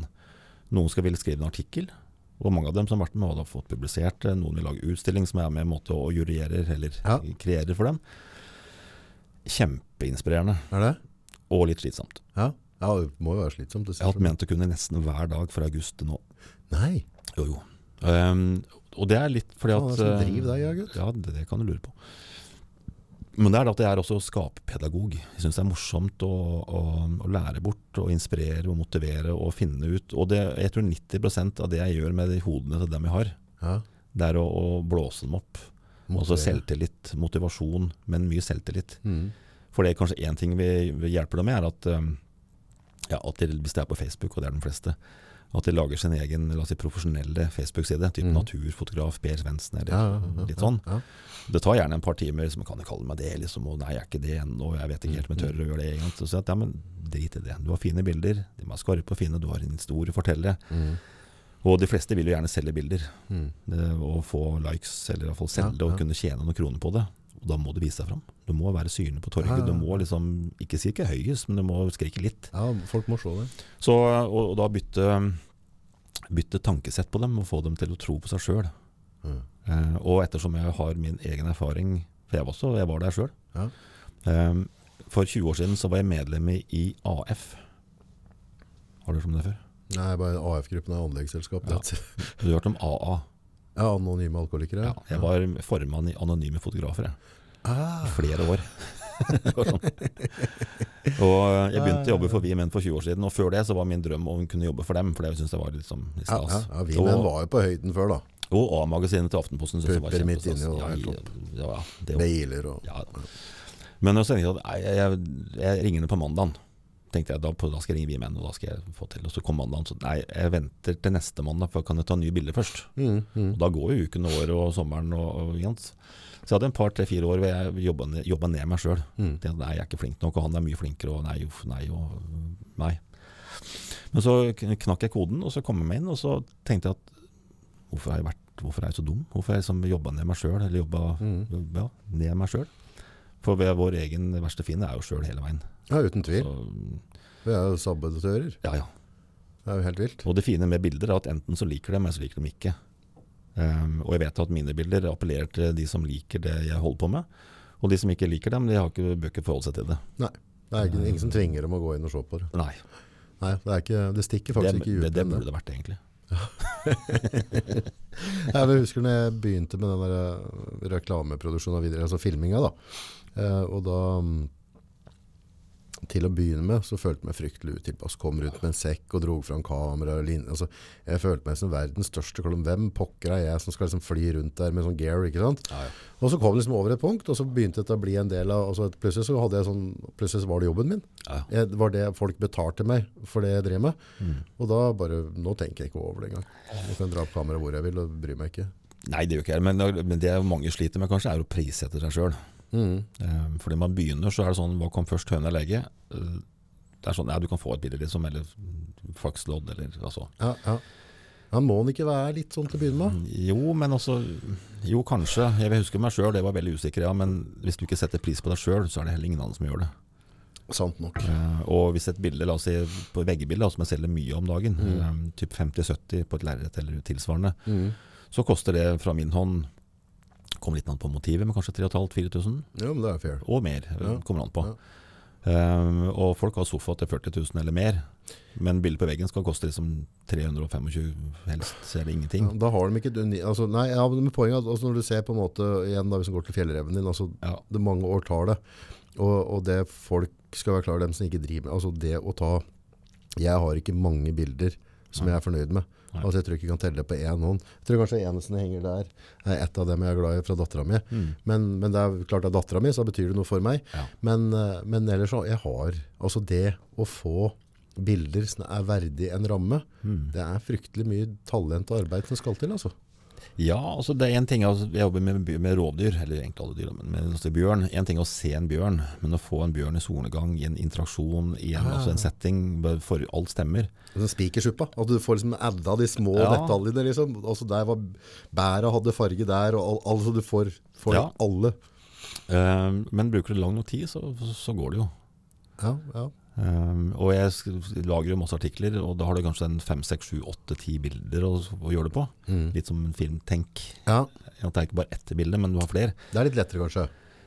Ja, så Hvis du skal lage en artikkel la oss si om moskus, da, som vi har gjort mye av, så la oss si at du trenger åtte bilder, og du trenger ikke åtte portrettbilder av moskus. Du trenger bilde av en familiegruppe. med Hva spiser de, hvordan ser fotavtrykket ut, Mm, hvordan slåss de, brunst. altså Mm, Du trenger interaksjonsbilder. Og de må ikke være sånn Pulitzer surprise eh, bild, henger, på på veggen-bilder. Men Nei, nei. kanskje ett av dem er liksom som står ut, og resten er bare en fortelling. Uh, som en type tegneserie. og Du, det er siste som er kanskje det første bildet som skal fange deg opp, og så det siste som skal avslutte historien din. Men eh, te, har du tenkt planlagt det, så er det jo, syns jeg da, ikke lett. Men jo, det er jo for så vidt det. Mm. Men, eh, men alt dreier seg om å, å, nok en gang planlegge. Altså. Det er uh, mye venting, det er mye reising, Og mye øving. og mye en del øving. Ja. For det, mm, det å, å, å skyte bilder, altså det er jo en kombinasjon av optisk og, og digitalt, og noen lokker. Altså du har jo, og du får jo forskjellige uttrykk ut ifra hvordan du setter opp kameraet ditt, ikke sant? Ja, ja. Så på en måte gjør du det ene, så går det på kosting på det andre. Mm. Og det er jo på en måte å finne det der, the sweet spot da. Altså hvor rask må lokkeren være for at du skal stoppe den fuglen, men hvor lite kan det være, om jeg fortsatt klarer å stoppe den. Altså, jeg vil jo tro at du er ganske nøye på det der. Altså, jeg, jeg jobber jo manuelt på alt. Ja. Um, lukker, blender, ISO og hvitbalansen, så jeg gjør alt manuelt. Og pri 1 også Du kjører hvitbalanse manuelt òg? Å ja, alltid. Ja, ja. Alltid, alltid, alltid. Um, og det er fordi at hvis du Og det er mange eksempler på det. Ett av dem, da, jeg kan ta det med en gang. Fordi nå er det ikke noe særlig solnedgang over Mjøsa, det kunne ha vært det. Mm. Hvis du står på taket av Er det Wood det heter? Mjøstårnet. Ja. Eh, og har autobitbalansen, Mm. så din hvitbalanse, den lysmåleren vi har på kamera, er fargeblind. Så han ser jo ikke farger. Nei. Så han må bruke 18% grått for å regne ut røde farger og blå farger og alt det andre. Okay. Eh, ofte så er det en gråtone i et eller annet, en sky eller stein eller pokker, så da er han ganske god. Ja. Jeg tipper at han er god nok at han har rett farge i 70 av tilfellene. Ja. Men står du på, på Mjøstårnet og tar bilde av solnedgangen, og du har den på auto, og så er det litt mer blast kanskje i kameraet enn det egentlig det var. Og hvis du er litt kald på fingra i tillegg, og det blåser litt surt, så tenker jeg uff, jeg vil gå ned og ta en vaffel. Mm. Men hvis du har rett, rettere hvitbalanse, at det kanskje er varmere toner i kameraet ditt enn det var på himmelen, Mm. så er iallfall jeg sånn at dæven, dette var fint. Jeg tar et par til. Mm. Åh, dette var fint. Oi, oi, oi. Mm. Og da tar du, Det er kanskje det siste du tok etter oi, oi, oi, Ja. som ble det som ble best. I stedet for å ta det på halvautomatisk ting og så håpe at jeg tar det i Lightroom eller fikser det når jeg kommer hjem. Ja. Men da med 328 reisedøgn i året, så har du ikke så mange hjemmedøgn og skal rette opp feil fra i går. Du liker å skyte riktig med en gang. Ja. Og hvis jeg er um, i Sri Lanka og tar bilde av en ekstremt sjelden orkidé eller en slange, eller uansett en gul-oransje slange, og så er jeg i Sri Lanka i tre uker, og så skal jeg rett til pff, et annet land i noen uker, og så kanskje et halvt år etterpå så skal jeg lage ferdig bok om sjeldne orkideer eller slanger i Sri Lanka. Mm. Husker jeg da hvilken farge det var på den slangen? Ja, gul-oransje. Ja ja, farge er farge. Men hvis den skal være et leksikon eller et oppslagsverk, så er det dumt at jeg har gjort den fargen litt annerledes. fordi at Den må være riktig. Ja. Ja. Og jeg har også jobba for um, Apropos ta bilder av noe annet enn bare dyr. Jeg jobba for Devold i en del år. Mhm. altså, ullklær. Oh, ja, ja. Um, ikke i studio riktignok, men ut i felt. ja. Um, for Devold de er fra på Ålesund, så de bruker sitt nærmiljø. Altså Trollstigen, altså området rundt, da, for arnested for å ta bildene. Uh, og de har jo forskjellige farger på ulltøyet sitt fra år til år. Og hvis det er sånn lilla skjær, kan ikke jeg liksom gjøre de mer blått, for det ble, finere. Nei, Så-. Så nei, men eh, del. Men jeg, men jeg leker mye, det er viktig å si. Ja. Selv om mye av det jeg gjør er måte oppdrag eller fra meg sjøl eller fra andre. Men å gå ut med kamera og bare ta meg en tur, jeg gjør det ganske ofte. En Mm. elgtur når jeg kommer hjem for mørkt i kveld, riktignok, men i løpet av romjula. Sette meg i bilen, eller tusle, ta med kamera og bare se hva jeg finner. Så det er, ikke, det er liksom ikke bare hardcore jobb, jobb, jobb, Nei, men også leke. Og koser deg litt. Ja ja, for all del. Du har med deg maskina. Kan du vise meg noen av bildene og fortelle meg litt rundt hva du har her? Uh, ja, Da er du på, på treeren, Selina, når han bytter bilder. Så kan du gå litt inn på de bildene innimellom, for da har vi i hvert fall kamera som får opp litt av det. dette er fra Japan. Um, det Det er Japan. februar. Snøaper. Ja, Um, helt oppe i Hokkaido Nei, unnskyld, men Nagano i, i Japan. der er du nære. Uh, relativt. Ja, Um, og de gutta her de bader jo i, i varme kilder. Det kommer tilbake til. ja. Men den her, nå er vi i Hokkaido, det er en kjempehavørn. Oh. Stellers eh, havørn. Uh, og rett før jeg kom hit Det det bildet så nesten animert ut. ja, Dette var skarpt. Um, og det som er morsomt, da, jeg jobba mye med havørn. Jeg har mye workshop på noe som heter Rekdal, men nå har jeg vært oppe i Flatanger i nesten to uker og hatt workshop hver dag. Hæ? Og jeg kjenner godt til havørnens fluktmønster. ant. Så jeg kom da ned til og skulle møte kjempehavørn, så jeg, det, det skal jeg naile bra. Dette får vi til. Men det jeg ikke visste, var at de her har tre halefjær mer enn vår havørn. Så de kan fly som en dobbeltdekkerfly. De tverrvender Å, fantastisk, men like store, nesten større i vekt. Så jeg lærte mye om kjempehavørn der nede. og sepp, og så Fantastiske fine fugler. jenter. Fantastiske nebb. For et bilde. Ja, Hæ? artig. Eh, også, det var tre arter jeg skulle prøve å finne. Det var da kjempehavørnen, rødhodetraner, som er, finner bare i Japan. Fantastisk. Og Ballerinaer. Oppe i Hokkaido så er det jo like kaldt som det her på nyttårsaften. Og så er det 25 minus og dritsurt. Men eh, der det er mulig å legge seg ned på bakken på isen, så gjør jeg det òg. Fikk det med frostrøyken og Ja da. Men da var det varmere å være med, med snøapene. Oi, der er gutta. De eh, bader i varme kilder og vasker pels og styr. Og jeg tok også en selfie, selvfølgelig. Oppi der. Der, der, der var du. Ja. Den som har lyst til å se på de bildene, hvor finner de de bildene hvis de vil se dem i full kvalitet? Du, da er det Og jeg tipper at du kan gå på min hjemmeside, som heter brennhagen.no. Ja. Med www foran. Jeg er på Facebook, da. Ja. Trine Boki. Trine Boki. Og Instagram det ligger det også mye. Og til de som har noe spesielt ønske om å se et bilde, eller kjøpe et bilde for den del, Ja. send meg mail. Det er ikke noe verre enn det. Nei, Roger alfakrøll brendhagen.no der, altså. Tøft. Så um, Og er det noen spørsmål, så bare klin på nå i kommentarfeltet. Så, så kommer du sikkert til å glo innom i løpet av um, uka. undervannsape. Undervannsape, gode gamle undervannsapen. Ja. Og etter bad så er det snakk om å ha shaken Stevens.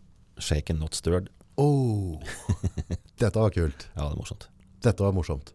Ja. Dette kunne vært med i en sånn science fiction-film, dette bildet. Ja, apenes planet, nei, vet du noe. Ja. Planet of the Ja. Monkey. Ja, jo, ja. Men lang tid sånn det bildet er lang tid brukte for å treffe akkurat dette. For nå skal jo typa eller dama ha, ha bada. Du skal ha riktig lyd. Altså det, igjen så er det noe med å, å treffe riktig tid. Eh, ja, det er å se med kamera, faktisk. Fordi hver gang en ape var under vann, eller nedi og ja, under vann, så vet jeg at alle dyr, eh, rovdyr spesielt, men også alle dyr, hørselen er viktig. Det er kanskje det viktigste, både luktesans og, og hørsel. Ja, Så hvis de får vann i ørene, det får de jo. ja. Så det første de gjør, det er å få ut det. Riste ut vannet okay. av ørene. Og det her er snakk om halvannet sekund. Fra altså ferdig. Ja. Så da er det på å se med kamera, for hvis du ser at en ape rister på hodet, så er det for seint inn i taklinga. Så må måtte se, følge med kamera, se med kamera og være, være på. Og da selvfølgelig vite at du trenger 3200 sekunder, blir det 5-6-800 ISO, så du visste at det, at det sitter når det sitter. Ja, skyter det. Men eh, sånn er det bare, at du er, du er på. Du, Ja. vet liksom, du tar testbildet først, og du Du og jeg var der noen dager, så jeg hadde jo mulighet til å prøve flere ganger. Jeg hadde også et, et ønske om å se Hokkaido-rødrev. Rev- Og det jeg fant, tror jeg, fire stykker. Det ligner litt på vår, men det er litt mindre sorte øretipper og litt, eh, litt annerledes, men relativt lik vår egen. Ja, er du ikke en kjenner, så ser du ikke forskjell, tror jeg. Hvis ikke Nei, nei. du kan faget ditt. Det Er ikke det. Ehm, og klart moskus um, Oh. har vi jo, er jo et eh, ja, ikke signatur, signaturdyr, men jeg jobber mye med moskusen. Uh, både med workshop og historier og osv. Så, videre. så går, det er sjelden at jeg, hvis det ikke er dritvær, så går jeg ikke ut. Du går ut når det er dårlig. Ja. Ja, for da får du det røffe. Ja, det er liksom artig å ligge siden av en moskus som ser sånn ut, Jant. Ja. Um, Syns jeg, da. Mm. Men uh, Er den lett å erte på seg, eller er den grei å være rundt? i- så det er jo en sikkerhetssone på 200 meter. Mm. Eh, her er jeg nok litt tettere på. Mm. 30-40 meter inn på. Eh, Sikkert. Um, men jeg, jeg, jeg sier alltid at jeg er på, på betryggende avstand. Ja. Fordi jeg vet hva jeg gjør. Ja. Det har vært noen angrep og vært litt noen situasjoner oppå der hvor folk går for tett på. Men her lå jeg faktisk i snøen, tror jeg, skal ikke si at noen meter, men jeg lå i Ja. nærheten av dyra en tre timers tid. De lå nede og sov. Så på meg og bare så videre. Og, og når de reiste seg opp og rista på hodet, og sånn, så var det, så det sånn ut, og så beita de videre. Um, for det er også litt en sånn der, for en naturfotograf Vi vil jo så tett på som mulig og så videre, men jeg prøver så godt jeg kan og, hver dag å ta bildene på dyrens premisser. Ja. Altså ikke forstyrre for mye, men vi gjør det jo. Mm. Så ser du en elg i veikanten og du tar ned vinduet på bilen eller Mm. går ut, så, så skremmer du elgen under beitet. Så du Mm. vi er jo liksom Ja, ja, ja. Det er, Men Gjør det så pent som mulig. ja, rett og slett. Litt av en type dette her òg. Ja, det er jo 250-300 kilo med, med dyr, altså. Ja, og så er det liksom sånn, det er, det er så gammeldags det dyret der. Ja, Det er så lite agrokultur. ja. Jeg er like fascinert av dem hver gang jeg ser dem. Altså, Det var utrolig pene farger i naturen der. ja. Så høsten er jo selvfølgelig fin. Og de ler av meg hver gang de ser meg. Selv, ja. Kjempeartig.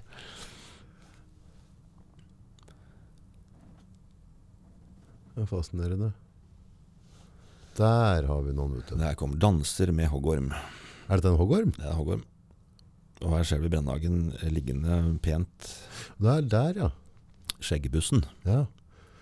Har du blitt høgd av en, en sånn en, del? Nei, Nei. jeg har ikke noen plan om det heller. Nei. Men, Men- dem er ikke sånn supergiftige, er de det? Ja, du hadde nok kanskje fått Du kan jo i verste fall dø, men så lenge du gjør det på dyrenes premisser og ikke Nei, ja, ja, jeg, Jeg har ikke noen planer om det, så ligger den oppå. Matematikken er at jo mer eh, du er blant ville dyr, så kan ting skje. Mm. Eh, Men jeg har ikke noen umiddelbar plan om å, om å bli bitt. Jeg har ikke lyst til det. Dette var kult.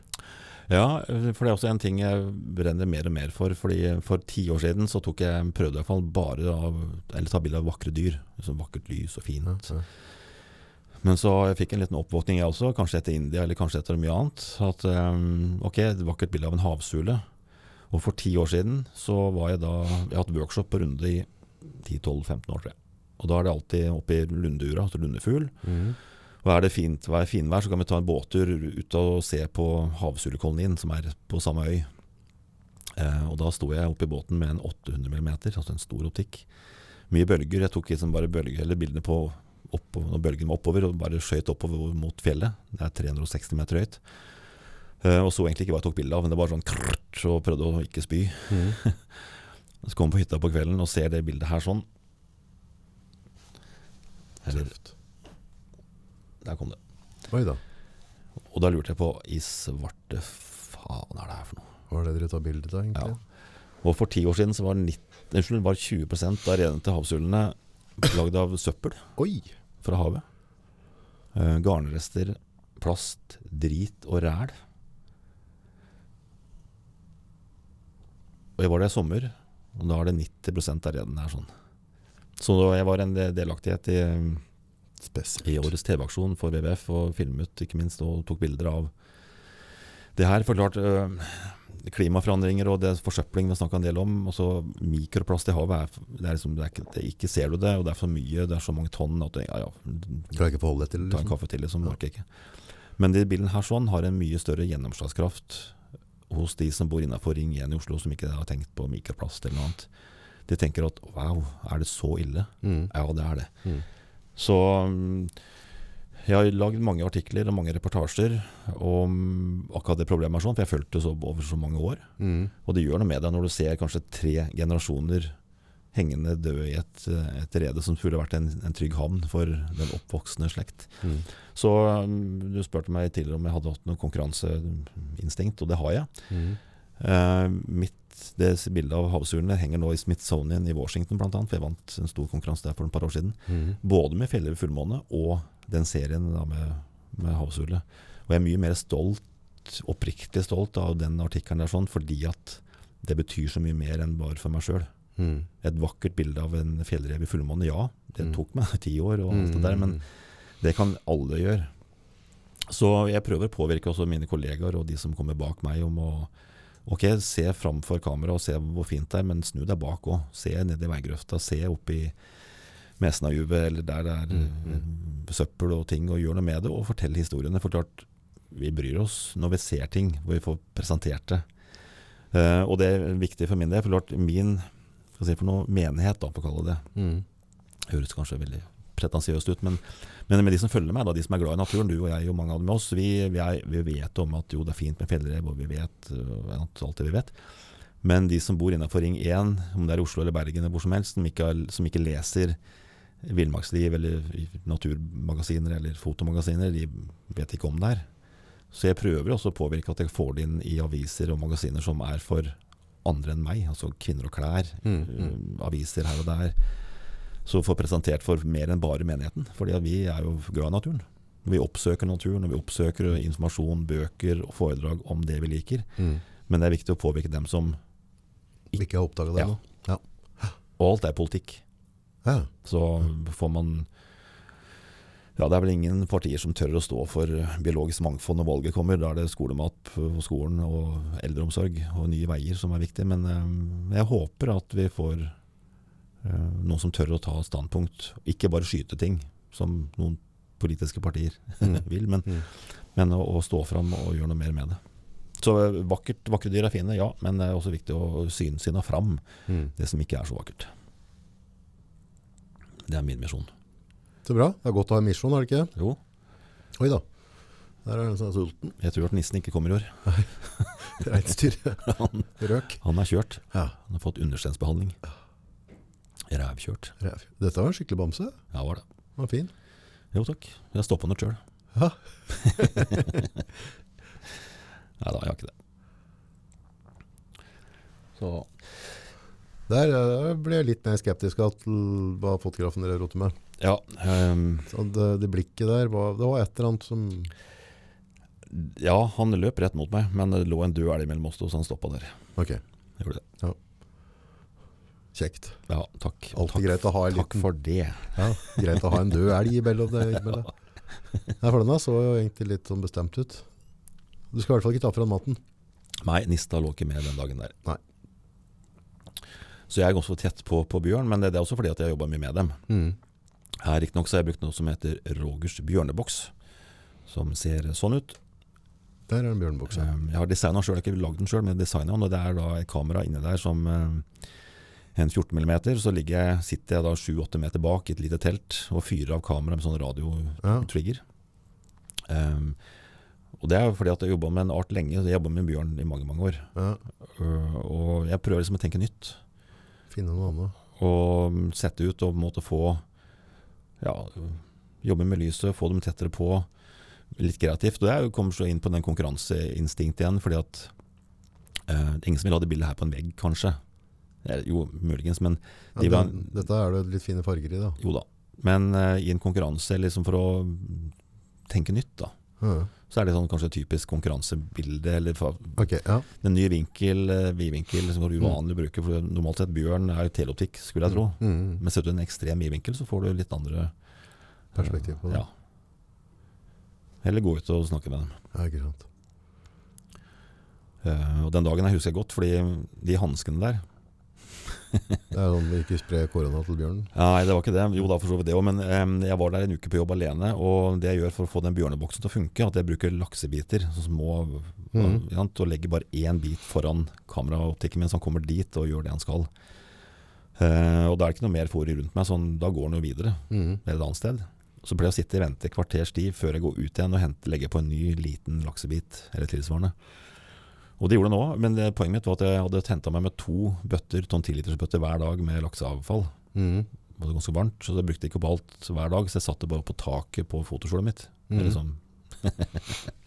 og hva skjer med lakseavfall når de står i solsteken i bøtte i to-tre dager? Det lukter nydelig for å visse de arter. Så jeg kjenner, jeg kjenner at jeg gnir, gnir, gnir, gnir på nesen når jeg ser hanskene mine. Men um, den dagen her også, så gikk jeg ut. Sikker på at bjørnen hadde gått. Mm. Og når jeg går da tre-fire meter fra fotoskjulet mitt og bort til boksen, så kommer han. Eh, Men han uh, satte seg ned, og så snakket jeg til ham. Mm. Bare vent, det kommer mer. Men da hadde det her skjedd eh, for eh, 20 år siden, så hadde jeg løpt ennå. Mm. Uh, Men uh, han lukter meg lenge før jeg ser han. Mm. Uh, Det er ikke noen farlig situasjon, men du må vite hva du gjør. Fordi at mm, jeg står mellom, mellom maten hans og han. Ja, jævla idiotisk greie du driver med der, egentlig. Ja. For å være helt ærlig. ja. men sånn er det. Jeg hadde ikke kunnet gjort det. Eller tørt, eller kall det hva du vil. Hadde ikke gjort det, i hvert fall. Nei, her er en annen situasjon som er litt morsom, fordi den bjørneboksen min den, eh, Nå er jeg litt uh, Nord-Finland, Uh, og jeg vet jo at mellom klokka ti og tre, ca. på dagtid, så sover bjørn. Ja. Aktiv på kvelden og på natta. Eh, Så jeg tok med den bjørneboksen eller to stykker, og så grave ned i bakken så kameraet skulle stå rett opp. Mm. Det, det var et kult perspektiv. Så står der og graver i bakken sammen med en kollega riktignok, og så følte jeg at sånn ugle, Ikke uglesett, men det er noe som ser på oss. Da sitter altså en bjørn 20 meter bak oss på ræva og sitter og ser på oss. Og så har jeg fått vite da at det er en bjørn i det området som de kaller the troublemaker. Som har vært litt for nærgående, gått inn i postkasser og biler og vært liksom litt gæren. Så sier jeg til Olav Takle som var med her at eh, faen, hva gjør vi nå? Bilen vår sto 300-400 meter lenger bort. Så tenkte jeg at vi løper dit, så han løper fortere enn oss. Eh, Det er mye trær der, og jeg vet at jeg kan klatre opp, men han klatrer mye bedre enn meg. Ah. ja, ja. Så plan C var å legge seg ned og ta bilde av han. Så gikk han rundt oss halvannet eh, varv, runder, og så gikk han. Og det var The Troublemaker, fikk vi vite etterpå, av en av lokal dude. Men, eh, og hadde det skjedd også for, for 20 år siden, så hadde jeg sikkert driti på meg og, Mm. og vært Men, så det, men det er også tilbake til altså, Han vi har kalt den The Troublemaker. Han Mm. burde egentlig hete AP49C, men uh, det er litt, sånn, litt skummelt å jobbe mye med, med en art og tro at du kjenner dem. At han er så snill, han Bjørn der, så han kjenner meg igjen. Og, Mm, ja, ja, ja. mm, Gjør ikke det, vet du. Det kan bli en fatal feil. Da. Ja. Og det er jo de som har blitt drept av bjørn, som, uh, som har, ja, kaller dem Ivan, eller hva de kaller bjørnen sin. Så får bjørn tannverk, og da er han ikke snill lenger. Så du han kokosen som uh, Ja, jo, ja. han, Han, på en bjørnøy altså, Han filma vel da han ble spist opp til slutt. Eller et eller Ja, annet. ja, jeg, så ikke, han, men han burde vært en tur innom Sandrud, da. ja, jeg, så, jeg så ikke hele. det. Jeg så bare første delen av den, tror jeg, for jeg orka ikke. Jeg syns den var så idiot at jeg ble. Og, og det er litt It's my friends! Ja, og drepa Åla, så bare til slutt svarte han Han ble eti opp. Ja, ja. Men jeg, tror jogget det ble posta på YouTube, den oppetingsgreia. Altså. Ja, for han drev peip og skrek litt, for å si det sånn. Og, og det er jo sånn, apropos, apropos TV, når vi var små, mm. så var det en halvtime i måneden med Sverre Fjelstad. Mm -hmm. eller noe sånt. Det var sjelden, men det, det var liksom hellig, hellig dag. Nå er det jo fire, fem, ti, mange hundre kanaler med bare natur døgnet rundt. Mhm. Eh, og når Sverre Fellestad kunne si at 'Å, elgen bor i skogen', så den fine stemmen sin, så var jeg merket at nå må det være en reality. Som pappaelgen skal drepe andre pappaelgen. Ja, så kanskje er bare- følg med i morgen. Igjen. ja. Og så er det de vannhodene, som jeg kaller de ikke liker, eh, som sånn de ti mest dødelige slangene i verden. Eller dødeligste av dyrene og farlige. Blir jeg litt Topp ten. Det må alltid være noe topp ten. Ja, ja. Og da blir jeg litt sånn irritert. Da. For at jeg, jobber jo, jeg gjør alt jeg kan for å avmytifisere slanger, f.eks. Ja. Fortelle funksjon og misjon og alt det der. Så er det noen vannhoder som løper rundt og, og står og eier dem opp for å få dem til å bite. Og liksom få det Ja. Det strider litt mot mitt uh, Røre opp i gryta. Ja. Og det gjelder for så vidt alle arter. Det farligste her. Og klart, jeg gjør det sjøl. Ja. Jeg sa det at det, det er lettere å selge farlige dyr enn Ja, søte dyr, men, men det er på en måte dyrens premisser. Ja. Jeg skal ikke eie opp en bjørn for å få den til å se så farlig den er. Gjør ikke det. Nei, da får du den eh, dokumentaren han la ut, Altså han ikke Den siste Fikk. dokumentaren. Ja, du får den siste der. Nei, det er, Nei, det er, altså, nei klart, altså, det, er, det er lett å si at det ikke er kokos dere som driver med dette, her, men, men samtidig så er det mye kunnskap inni og erfaring der som gjør at, at, at, uh, at du overlever det. Ja. Men det er pass på at den ikke blir overmodig og, man bruk huet, liksom. ja, rett og slett. Men eh, det er nok en gang. Altså, jo mer du Nå skal jeg til Svalbard tre-fire runder i 2000, altså neste år. Mhm. Eh, og klart isbjørn, altså brunbjørn eh, Jeg har ikke hatt noe skinnangrep fra brunbjørn. Jeg har vært veldig tett på og hatt noen interaksjon, men ikke noe som opplevdes som farlig. Men isbjørn, den, den tar deg. Altså der er du Og På sist jeg var på, på Svalbard sammen med Audun Rikardsen, så hadde vi 26 isbjørn tror på et par, par uker. Og vi gjør alt vi kan for å se dem, og gjør ikke minst alt vi kan for å unngå dem i forhold til å være tett nok på. Men du vet at gjør du en feil på Svalbard, så, så går du. Altså, da er du da, og det, er, det trigger litt, det òg.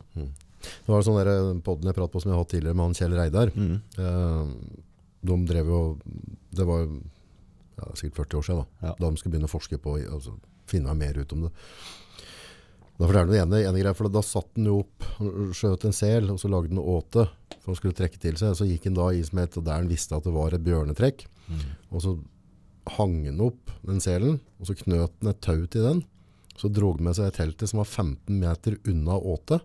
Så knøt han fast jakka sin. Så la han seg opp på jakka for å sove. Så da våkna han til at jakka ble nappa ut under den. Og så krek han seg da, da lå han på 15 meter, og så måtte han bestemme hvor mye gass han skulle ha i rifla, så skjøt han dritten i ræva for å bedøve den. Ja. Og det er bare sånn derre skjønte du ikke at det var dumt, eller?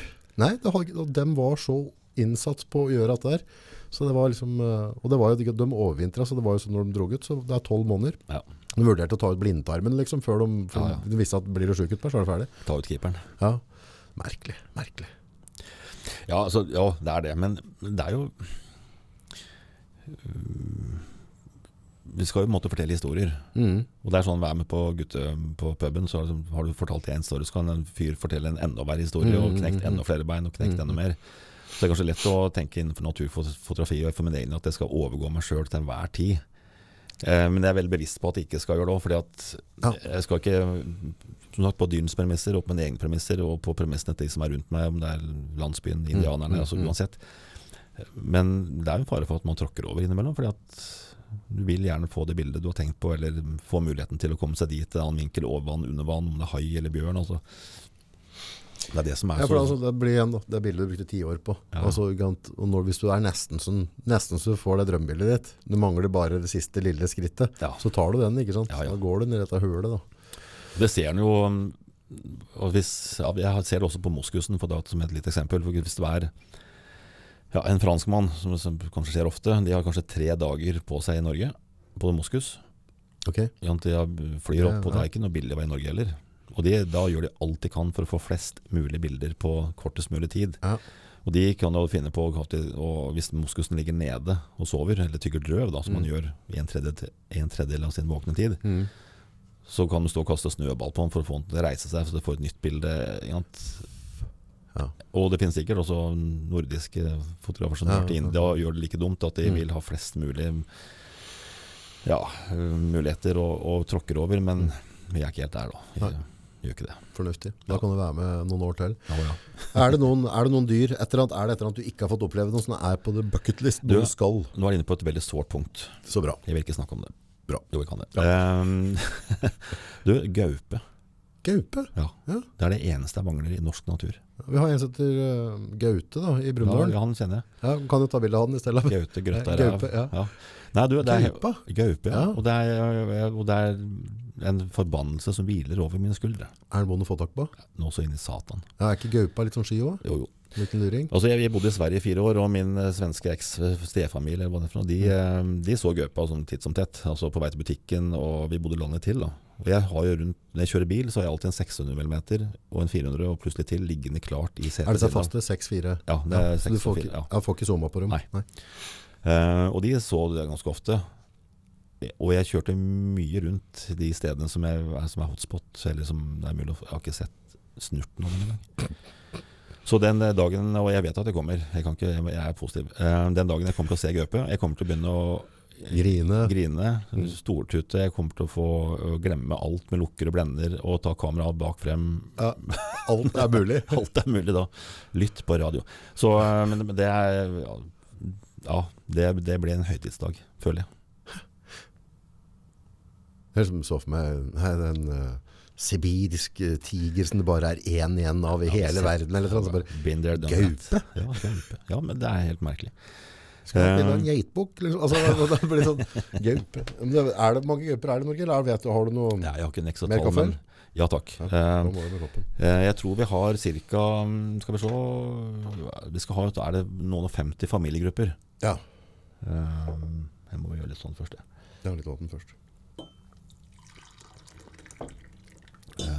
Sånn. Men de er som du sier ekstremt skye. Eh, og jeg får mye tips, da. Som jeg sa innledningsvis, jeg har ganske stort nettverk. Ja, Eh, og hvis noen ringer meg nå i kveld og sier at du, vi så gaupe oppe i da skjer det ting. Messenallia i går. Ja. Og hvis det er en hanngaupe, så har han et habitat som eh, Det tar han kanskje sju til ni dager å gå rundt det habitatet sitt. Ok. Så hvis han var her i, i dag, da, Ja. mens vi sitter her sånn, og så kommer jeg dit i morgen, da kan vi kanskje vente seks, sju, ti dager før han er tilbake igjen på samme punkt. Ah, For han går og patruljerer sitt habitat Ja, ja. i yttersonen hele veien. Så det letteste, tror jeg, som jeg vet da, i forhold til å se gaupe, er hvis du kommer over og får tips om at på våren gaupa har fått unger. Og de kan være å ta et rådyr, da er de på det rådyret til den er oppspist. ok, da har du stor sjanse for å ta den. Ja. Så de av mine kollegaer som har hatt så flaks øh, og sett dem, har akkurat nettopp opplevd det. Mm. Eller briefed at det går av veien, men altså, de er jo på drift på vandring hele veien, som alle katter er. Mm. Så jeg håper virkelig at jeg får, øh, får ut gaupa i løpet av neste år, kanskje. Vi skal inn på litt, eh, jeg lurer litt på sånn foto generelt, men eh, må huske på det folkens, at det kommentarfeltet er der for en grunn. Ja, Så klem på litt spørsmål, jeg svarer på alt. og så kan du skryte litt av det hvis ikke vil. Det er greit, han tåler det. Ja, gjør det. Opp- Oppunder jul. Da gjør det så blir det ordentlig trått for den på julekvelden at han må sitte og gremmes opp her. Ja. Det var et fint bilde. Au! Å, sier nei. Fysj, fei. Foto. Ja. Fundamentet. Hvis jeg skulle finne ut at jeg har lyst til å, å bli fotograf, da. Naturfotograf. Ja. Helst. Vi holder oss der. Ja. Ikke sånn midtbyfotograf. Har ikke noe tips der. Jo da. Nei, men fotograf, hva, hva, hva må ligge til grunn? Um, en brennende interesse for det du skal gjøre. Og mitt tips er å bli god på én og én art. Ah, Um, og en art som kanskje er lett å Hvis du bor i en by eller på, i Brumunddal. mm. um, har du ekorn i hagen, så bli god på ekorn. Ikke bare ta ett bilde ekorn, og nå skal jeg ta en ny art, og så skal jeg plukke arter. Det er også morsomt. Mm. Plukke fugler og mest mulig arter. Men hvis du blir god på ekorn, kan du kanskje lage en fôringsplass. Så må du tenke på kanskje bakgrunnen. Hvis det er en stygg garasje, så er det kanskje ikke det så veldig fint. Men ut mot et annet sted, og har du ikke en fin bakgrunn, så kan du kjøpe et sånn militærnett og henge bakom. Så kan du lage en fint uh, ja, for da, kulisse, for å kalle det. da ja, for da kjører du det liksom litt ut av fokus bakgrunnen der, og så kan du ha, ja, så kamuflerer du litt. Ja. Ja. Ah, smart. Eller at du finner en fin eh, gadd, som jeg kaller det. En rot, rotvelte eller en stubbe. Og så kan du gjemme peanøttene inni, sånn du ikke ser foringsboksen, men at du er Ja. Ikke ligge som sånn det der, liksom. Ja, selvlysende pose. Ja, ja. Og hvis du har småfugl, som vi har sikkert mange på fôringsautomater, at du har en, en god fôring, og så har du setter du med sånne fine pinner en halvannen-to meter fra der du har maten. For en fugl vil jo hente et um, frø, eller Ja. nøtt, og fly tilbake på en pinne og sitte og spise en spisepinne, vi kaller dem. Okay. Og Da kan du finne noen fine gadder og finne noen fine røtter som du kan ha som kulisse. For Jeg ser veldig mange fine bilder på Facebook som folk spør meg om hva syns om det her. Jo, jeg ser et selvlysende plastnett og to dompaper. Mm. Men tenk ut åssen du bildet vil ha. Uh, men tilbake til og, Men da er vi gode på art etter art. Mm. Og mer du vet om ekorn, jo lettere og finere og kanskje mer spesielle bilder får du. Mm. Hopper eller speiling på en liten vanndam i hagen din, men jobber, jobber ute, da. Mm. Eh, og så er det kanskje på optikk som de fleste spør hva, hva trenger man, hva bruker Ja, og så øh, fotoapparat i seg altså hvor mye må en ha? Altså- Hvorfor alltid akkurat Nikon? Det sier seg sjøl, det er best. Nei da. Det det- beste av det beste, ferdig. Ferdig, ferdig snakka. Nei, eh, jeg pleier å si at hvis du bruker eh, halvparten av hva du har tenkt på kamerahus, og dobbelt hva du har tenkt på optikk, så har du en god match. Okay. For de fleste har veldig veldig bra kamerahus. Mm. Altså, de, de kan jo det samme. Forskjellen er at antall bilder per sekund, ISO osv., men de kan jo det meste det samme, egentlig. Men det er optikken det som er foran. Eh, og hvis en bor i et land hvor det er mørkt fra oktober til april, bortimot, vi ha lyssterk optikk. Og Puddingen der, noe, hvor lyssterk er den, holdt jeg på å si? Det er en 400 blender 2.8. 2,8 på en 400. Ja. Og Dette 600 er blender, blender 4. Så Dette koster penger. det koster flere, Ja. Flere hundre kroner. Ja. Nei, så den det koster nypris er det 140 000 for den. Ja, for, det, altså, for det, det er, altså, hvis du skal ha muligheten til å ha en, en stor lysåpning, eller blenderen, da, eller lav, det blir jo, det er jo Mm. snudd på huet, Ja. så hvis du da appåtil skal ha noen millimeter på dette her, Mm. så begynner det å koste for en, altså, en 50 mm med 2,8 Ja, eh, lysåpning, det er ikke noe problem. Det kan du få for eh, en åk til Cannon, så kan du få en OK til 1800 kroner, Ja. eller 2004 eller noe, også Ja. en fast objekt. Men, men dette der begynner å bli vilt. Og så da. min 800 mm blende 5.6 koster 100 214 000, tror jeg. Ja, ikke sant? Men nå må jeg si at jeg får det, så jeg slipper. Ja. Men jeg hadde nok hatt det uansett. Men, men poenget mitt er at hvis du kjøper en eh, Altså den optikken jeg bruker mest, jeg regner ut sånn ca. 70% av det jeg gjør, er en 600 mm blende 4. Ok, Den har jeg alltid med. den er alltid med. Alltid, alltid, alltid. Eh, og den koster da 140 000-50 000, jeg vet det, men noe sånt. Um, men hvis du kjøper en brukt, da, så har jeg sett at du får dem eh, i forskjellige varianter til, på en femtilapp. 40 000-50 000. Mhm. Fortsatt enormt mye penger. Idiotisk mye penger. Ja, men hvis du har tenkt å ha den hobbyen i kanskje ti år, være ute en helg eller to i måneden, eller oftere eller mindre Du kan jo prøve å ha en annen hobby i ti år og ikke bruke 50 000. Ja, så speiser utover månedene. Og, spille golf i ti år, så og her er det snakk om at, liksom, at hvis folk ønsker å chase en drøm, og kanskje selge Ja. noen bilder som skal på noen vegg, Ja. så må du ha noe utstyr. Men, men er, det noe, er det noe mellomstepp der? Altså kan, kan du på en måte gå på at du kjøper deg Kinderegg, da, at du har sånn Ja, altså 70-300 linse, altså at du, Ja. at, du, at du har noen sånne til å begynne med, til at du der. finner ut. Ja, jeg begynte jo der. Eh, til at jeg, og ofte så merker man, i hvert fall på mine workshop, eh, at folk vil mer enn en utstyret sitt. Mm. Så de, de er blitt flinkere sjøl enn en utstyret er fant, å, å følge med på. Ja. Og det kan gå på lyssterk det går på ISO-følsomhet, altså ISO-verdiene mm. du kan få pushe opp, til bilder per sekund. Mm. Klart mitt kamera D6, Nikon D6 tar 14 bilder per sekund, Mhm. eh, og har den havørn som tar av, eller en hakkespett som flyr, eller uansett Mhm. hva du gjør for noe, så har jeg 14 muligheter i sekundet på å fryse akkurat det bevegelsen. hvor ja, for det er liksom riktig komponering. Ja, Ja. Har du 3,5 bilder per sekund, så um, du får det til da. Mm. Jeg fikk det til for 20 år siden, mm. men det er lettere for meg nå enn det var for 20 år siden. Ja. Men det er å se litt på budsjettet sitt, og ikke minst på, på viljen. Eh, Har du lyst til å begynne å selge bilder, kanskje jobbe litt for lokalavisen, eller bruke bildene til noe, så vil du jo gjerne tett, så tett på som mulig. For det vi ofte ser på de som har en 70-300 eller kortere optikk, du kan jo kroppe inn som det heter, altså zoome deg inn i Lightroom, eller, Ja, ja, ja. men da er fila såpass liten at du ikke kan ha den på veggen. Ok, Altså-. Ja, for det, Ja. når du skal begynne å blåse dette opp, så vil Ja. det begynne å pikselere seg etter hvert. Men hvis det er ditt behov er bare å vise det på Instagram og Facebook og liksom sånn på, på Mac-en eller på skjermen din, så er det jo mer enn godt nok. Ja. Og da er det jo Så jeg snakker mye om fotoglede, og fotogleden er like stor om du har en mobiltelefon enn om du har utstyr for tre millioner som jeg har. Ja, fotogleden og blinkskuddet av solnedgang på Mjøsa er like Mm. stor om du har en en Samsung-telefon med litt skjev sånt, og du syns det er dritfint.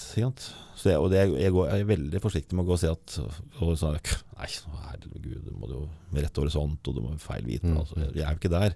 Jeg kan jo tenke det innimellom, men jeg er veldig på å få fram fotogleden til de som som tok bildet. Mm. For de tok det jo og fordi at de syntes det var fint. Mm. Det viser syner det fram, som det heter, til så mange som mulig. Og da skal ikke jeg sitte og være en dritkjedelig gammel gubbe og si at de må ha utstyr for så og så mye penger for å få det til.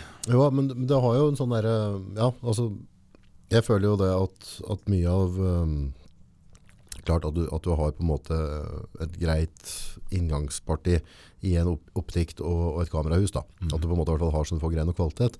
Men det det henger på, er på en måte sånn som en, Bjørn Bag... Altså komponeringa. Altså ser nå, nå er det ikke noe horisont, men du har jo vannskorpa der. Ja. Og den ser jeg så klart, den har du ikke midt i bildet. Gant? Vi har litt mer forgrunn enn bakgrunn. Ja. Og hadde du på en måte flytta litt på den, så hadde det blitt et helt annet bilde. Ja. For nå, nå føler jeg på en måte at jeg, at jeg sitter og ser bjørnen rett i øya. Ja. Så, så det er liksom den, den komponeringa jeg syns er litt sånn vanskelig med, med foto. da. Film opplever jeg så mye lettere. Mm. For da er det på en måte, da kan du prate, ting skjer. Mm. altså Du er i bevegelse, du kan støtte deg på musikk, du kan klippe på rytmen. Du har mye mer, sånn, mye mer sånn er bevegelse, men å stanse den ørnen der Mm. med kløa ute Ja. Nei, nok en gang, jo mer jeg vet om, om ørn, eh, jo lettere er det for meg å, å, å fange det øyeblikket som jeg vil. mm. Eh, og nå vi var i Flatanger, hatt workshop nå, sånn tre dagers workshop, tre stykker av dem. Ja. Da har vi kanskje 70-80 stup i løpet av en, en økt på tre og en halv time. Oi, ja. Ekstremt mye fugl oppi der. Ja. Um, og det er fin, fint sted å lære seg, og, for jeg sitter i båten med de som er med, fem-seks stykker i slengen, og, og, og kan først kanskje ta ned kameraet et par runder, bare se åssen de flyr, åssen de bryter av, åssen de kommer an, de kommer fort ned og sakte opp igjen. Altså. Jo mer du vet om, om, om hvordan det her flyr, så er det lettere å fange det. Mm. Som du kan gjøre med ekornet eller småfuglen i, Mm. i hagen. Men innsteg da, altså, altså hvis du kjøper deg litt brukt utstyr, kanskje noe nytt, altså øh, hvis du er på ferd, i ferd med å gå over liksom, at du ønsker å begynne å jobbe deg mot en, en profftilværelse, eller altså i hvert fall være mer seriøs enn du er nå da, Mm. holder det å bruke 50 000 til å begynne med? Ja. Ja. ja. Altså En god pakke hvis man har tenkt å bli, eh, komme seg litt ut fra hagen sin. En D500, altså et sånn kroppkamera som Nikon har, og en 200-500 Blender 5.6. Det er nypris på de to til sammen skal jeg tippe er øh, 30 000 nypris. Men du får halv pris brukt, kjøp brukt. Det er Mm, fint. mm. Uh, og hvis du da merker at det her funker, og du får de bildene som kanskje står ut litt mer enn fra mobiltelefonen din, så da er det jo Man vil alltid kjøpe det bedre og enda bedre og enda mer, men det holder i massevis. Mm. Eh, for det jeg ofte ser på mine workshop, og det begynte vel for en sånn 12-15 år siden, når det kom eh, menn, gjerne i 50 pluss, drassende med utstyr som jeg hadde. Ja, Altså, og så vet de ikke hva Nei, også, da, da husker jeg første gang jeg tenkte at ja, men det er kult. Gutta har liksom bra utstyr, og dette kan bli morsomt. Og så sier de meg at jeg, jeg kan ikke en dritt. Og grunnen til at man kjøpte, er at øhm, ja, barna flytta ut og har råd til det og vil ta opp sin gamle hobby. Og nå har de råd til å kjøpe det beste, best av det beste. Ja, ja. Det er bra for meg da, som har workshop og lærer bort hvordan du skal bruke det. Um, men jeg har også, Han trenger ikke det liksom. Nei, nei, nei. Sånn som jeg har jo, jeg har noen kameraer å filme med, Ja. men da tror jeg kanskje det beste som foto er en A7 III Sony. Ja. Det er jo sikkert mer enn godt nok fotokamera hvis en har på noe ok objektiv på det. Absolutt. Men hele de, delen er jo å kunne, kunne kameraet sitt. Mm. Um, og kunne, for jeg justerer jo alt med en hånd. Vi bør ikke se på engang. Jeg vet hvor alle knapper er hen. Ja. For eh, hvis jeg nå får ei gaupe oppi linja her Mm. på vei hjem nå, så det er mulig at jeg bommer akkurat da. ja, ja, grunn av gruppa. ja, men um, jeg vil nok si at jeg er ganske på. Uh, og det fine med de sånne store kameraer som er at alt er på utsida. Ja, ikke noe inn... Jeg, jeg kan jo selvfølgelig gå inn og gjøre mye der, men jeg har liksom satt opp kameraet til mitt ønskemål.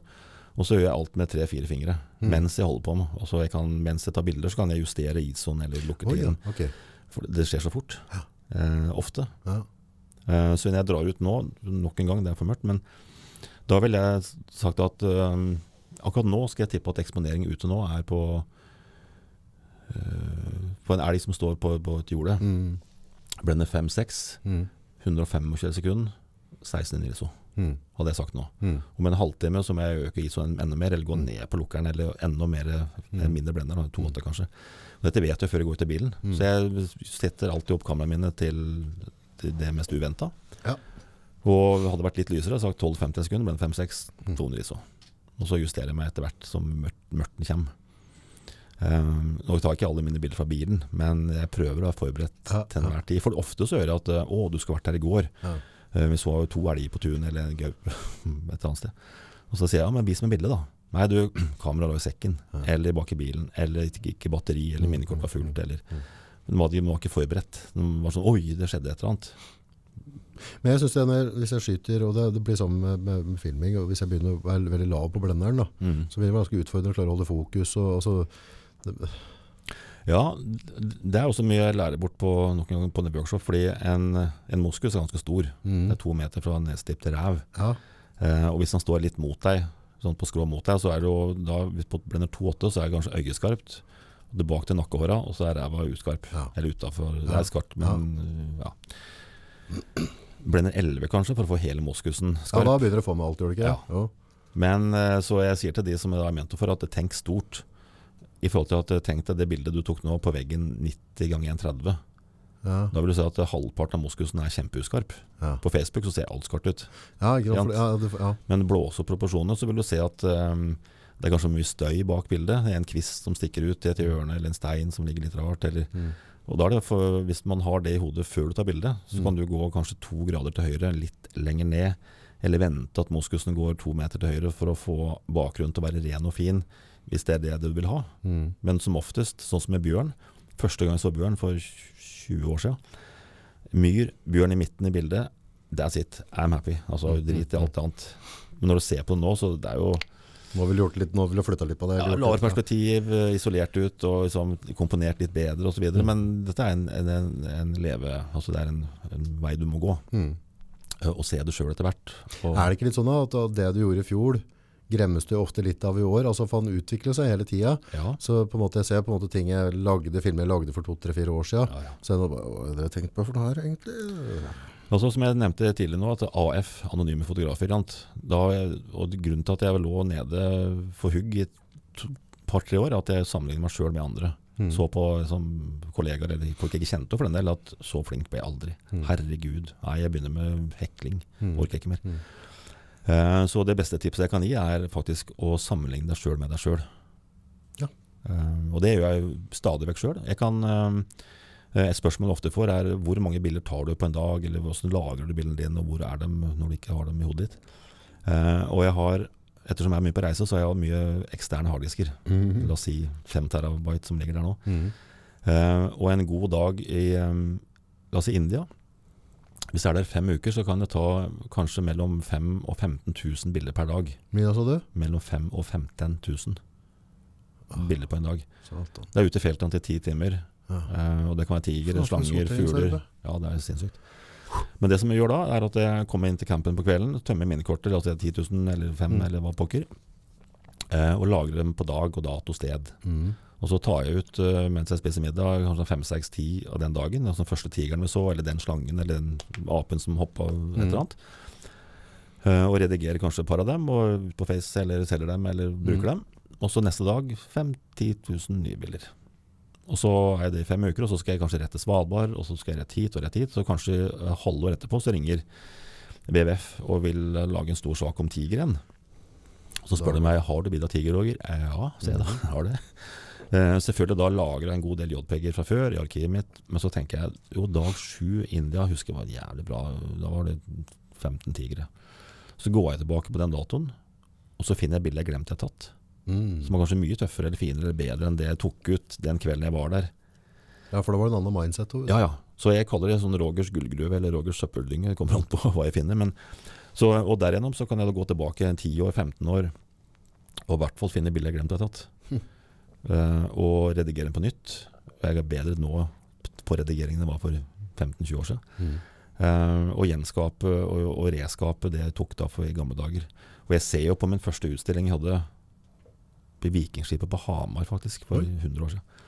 Uh, og jeg jeg så noen bilder fra utstillingen, og tenkte gud bevare meg vel. Jeg var helt naken. Hva, hva er det du tenkte på?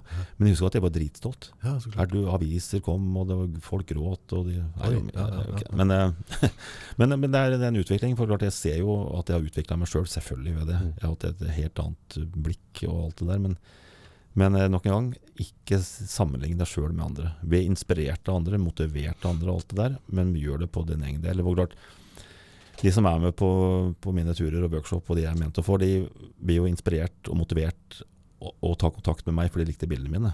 Ja. Eh, skal jeg selge bilder eh, eller Jeg har også workshop i Finland mm, hvert år. Og det er mange som tilbyr workshop i Finland. Ikke mange, men det er kanskje tre-fire-fem andre norske selskaper som gjør det. Mm. Eh, men mine blir gjerne fulle på en dag eller to. Mm. Ikke for at jeg er så kul å være med, jo det er jo sikkert, men det er fordi at bildene mine er kanskje litt annerledes. Ja. Og de vil tenke at blir jeg med Brennhagen i stedet for de andre, så får jeg sånne bilder mm. typ, som Mm, jeg setter på nå. Uh, og det er en, også en motivasjon for meg jo, til å utvikle meg sjøl, at jeg ikke stagnerer helt. Altså jeg har, som jeg sa, jeg har 80-100 foredrag i året. Ofte er det tilbake til samme fotoklubben. Ikke år etter år, men to år, som- eller år etter år, kanskje. da. Ja, ja. Jeg kan ikke stå liksom for eh, Stavanger fotoklubb, som gjorde det her for et par uker siden, og vise det samme bildet som vi gjorde i fjor. Må Samme storyen, samme Mm. greia, liksom. Og da, så jeg starter alltid min foredrag med å vise det siste jeg gjorde, som Mm. regel. Mm. Så går jeg bakover i tid og tar opp noen historier, enten om gode eller liksom visse ting. Det har jeg sett også på, på Facebook, der legger du på både lokker og ISO og, og blender Ja. på bildene, så at, at folk kan se på hvilken måte du har skutt det. Ja. Det er litt interessant, for da kan du få på en måte i en sånn startfase, hvis du på en måte begynner å bli fotonerd, mm. så får du litt sånn eh, innblikk. Eh, Jeg er egentlig glad du nevnte det, fordi at for ti år siden så fikk jeg mye spørsmål, for da, gjorde det ikke. Nei. Eh, Men det var noen bilder, og gjerne sånn fun fact og eh, ordspill, jeg syns er morsomt, eh, og så videre. Eh, Og da fikk jeg mye spørsmål i kommentarfeltet, som også du må bruke, eh, de som hører på. Eh, Hvilken optikk brukte du? Hva var lukkertiden her sånn? Du husker jeg tenkte at det var faen til pokker til mas. da. Ja, voldsomt. får du drite i. Men så tenkte jeg jeg kan begynne å skrive da. Ja. Så slipper jeg å få svare for Ja, ja, på mange kommentarer nedover. Uh, og det er sjakktrekk, fordi for det første uh, Jeg skriver alltid da kameramerke, modell og optikk, lukkertid, blendevalg og ISO. Og filterbruk eller blitsbruk eller noe, hvis det var noe annet. Uh, og dealen er at ting du skriver ned, husker du sjøl. Ja, du husker Dette er da til deg som ser på. Jan, hvis du skriver ned en ting, handleliste, så, så husker du det når du kommer til butikken, for du har skrevet den ned. Ja. Og har jeg skrevet ned Exif-data, som det heter, eh, på et Facebook eller på et foredrag, så husker jeg nesten alle de bildene vi kan sette på nå, så husker jeg innstillingene, fordi jeg har skrevet den ned. Kult. Så jeg husker. Mm. Andre lærer, mm. altså du og Mm. de som ser på, lærer at ja, men kult. Og det viktigste er at og det er jo den tredje grunnen, som du og de andre, men også de profesjonelle brukerne. Hvis en redaktør i eh, Ringsaker Blad eller mediehus hvor som helst ser et fint bilde av en havørn eller noe annet, så det, det, oi, det var fint, det kan vi bruke. Og han som har tatt Å, han har Exif-data, ja. Han vet hva han gjør. Ja. Tydeligvis profesjonell, eller i hvert fall Eh, semiprofesjonell. Ja, ja. Så du har en måte profesjonal, profesjonalisert deg sjøl på en god måte. De byr deg ikke ti kroner for bildet. Nei, du lærer, andre lærer, og så har du vist at du Ja. vet litt. Ja. Og det er kjempegodt tips for alle, egentlig. Mm. Um, og jeg gjør det alltid. Da lærer du. Ja, ja. Spennende. Mhm. Håper vi har inspirert noen folk, for det er veldig veldig mange som har, eh, har stor interesse for foto, og syns det er på en måte en uttrykksform som er interessant å jobbe med. ja, det er det. Så det blir spennende å se om vi får noe trøkk i feltet her, om det blir noen spørsmål rundt det. Og du, en ting vi må også nevne, da, også, en ting er å gå og følge deg på Facebook, og så ser du hva du har laget av, og hva du driver med. Ja. Og så har du laget en kalender for 2021. ja. Det berømte nydelige året, 21 folkens, kommer til å bli knakende bra i Ja. forhold til 2020. Og så er det noen par bøker oppe på gang. Bøker. Ja da. Oi, oi, oi. Oi, oi, oi. Skriv over. Analogt. Eh, I fjor kom jeg ut med en kokebok. Kokebok. Si, jeg, kan ikke, jeg kan lage mat, men det var ikke jeg som lagde oppskrifta. Det er Svein Jæger Hansen. Ja. Mora han, fantastisk. Han var vel Norges beste vill, villmatskokk, eller villmarkskokk. Ja. Så jeg bildesatt boka hans. Tror jeg har solgt 40 000. jeg. Oi, det er drøyt. Ja, det er drøyt. Det er mye bøker, og, altså. Ja, og Is- eller Antarktika-boka. Men det som er spennende nå, da eh, Jeg håper at det blir ferdig før påske, hvis ikke det skjer enda mer morsomt i livet mitt. Men jeg har en bok som er litt pretensiøs, som heter 'Brennhagens beste bilder'. Mhm. Mhm. Eh, med, med fototips og historien bak. For jeg tenkte han han skulle egentlig hete Rogers 101,5 beste fototips. Mhm. Og det siste tipset, det halve var sånn og for all del ikke glem å ha med en prikk, prikk, prikk. Ja. Men eh, så forlaget mitt mente at det, det er en ganske smal bok, for det er kanskje kun for hobbyfotografer eller de Ja, som ja, er fotointeressert.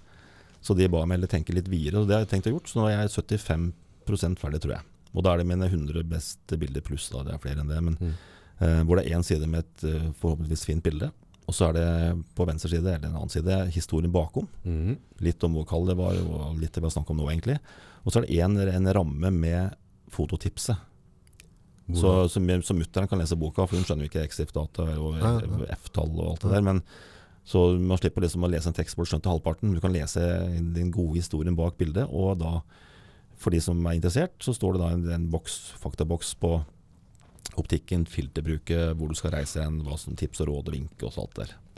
Ja, for veldig mange som starter på en måte i den fotoverden da. Mm. Veldig mange har jo et behov for å lære òg det grunnleggende. Ja, altså den fototrekanten, holdt jeg på. Altså bare Ja.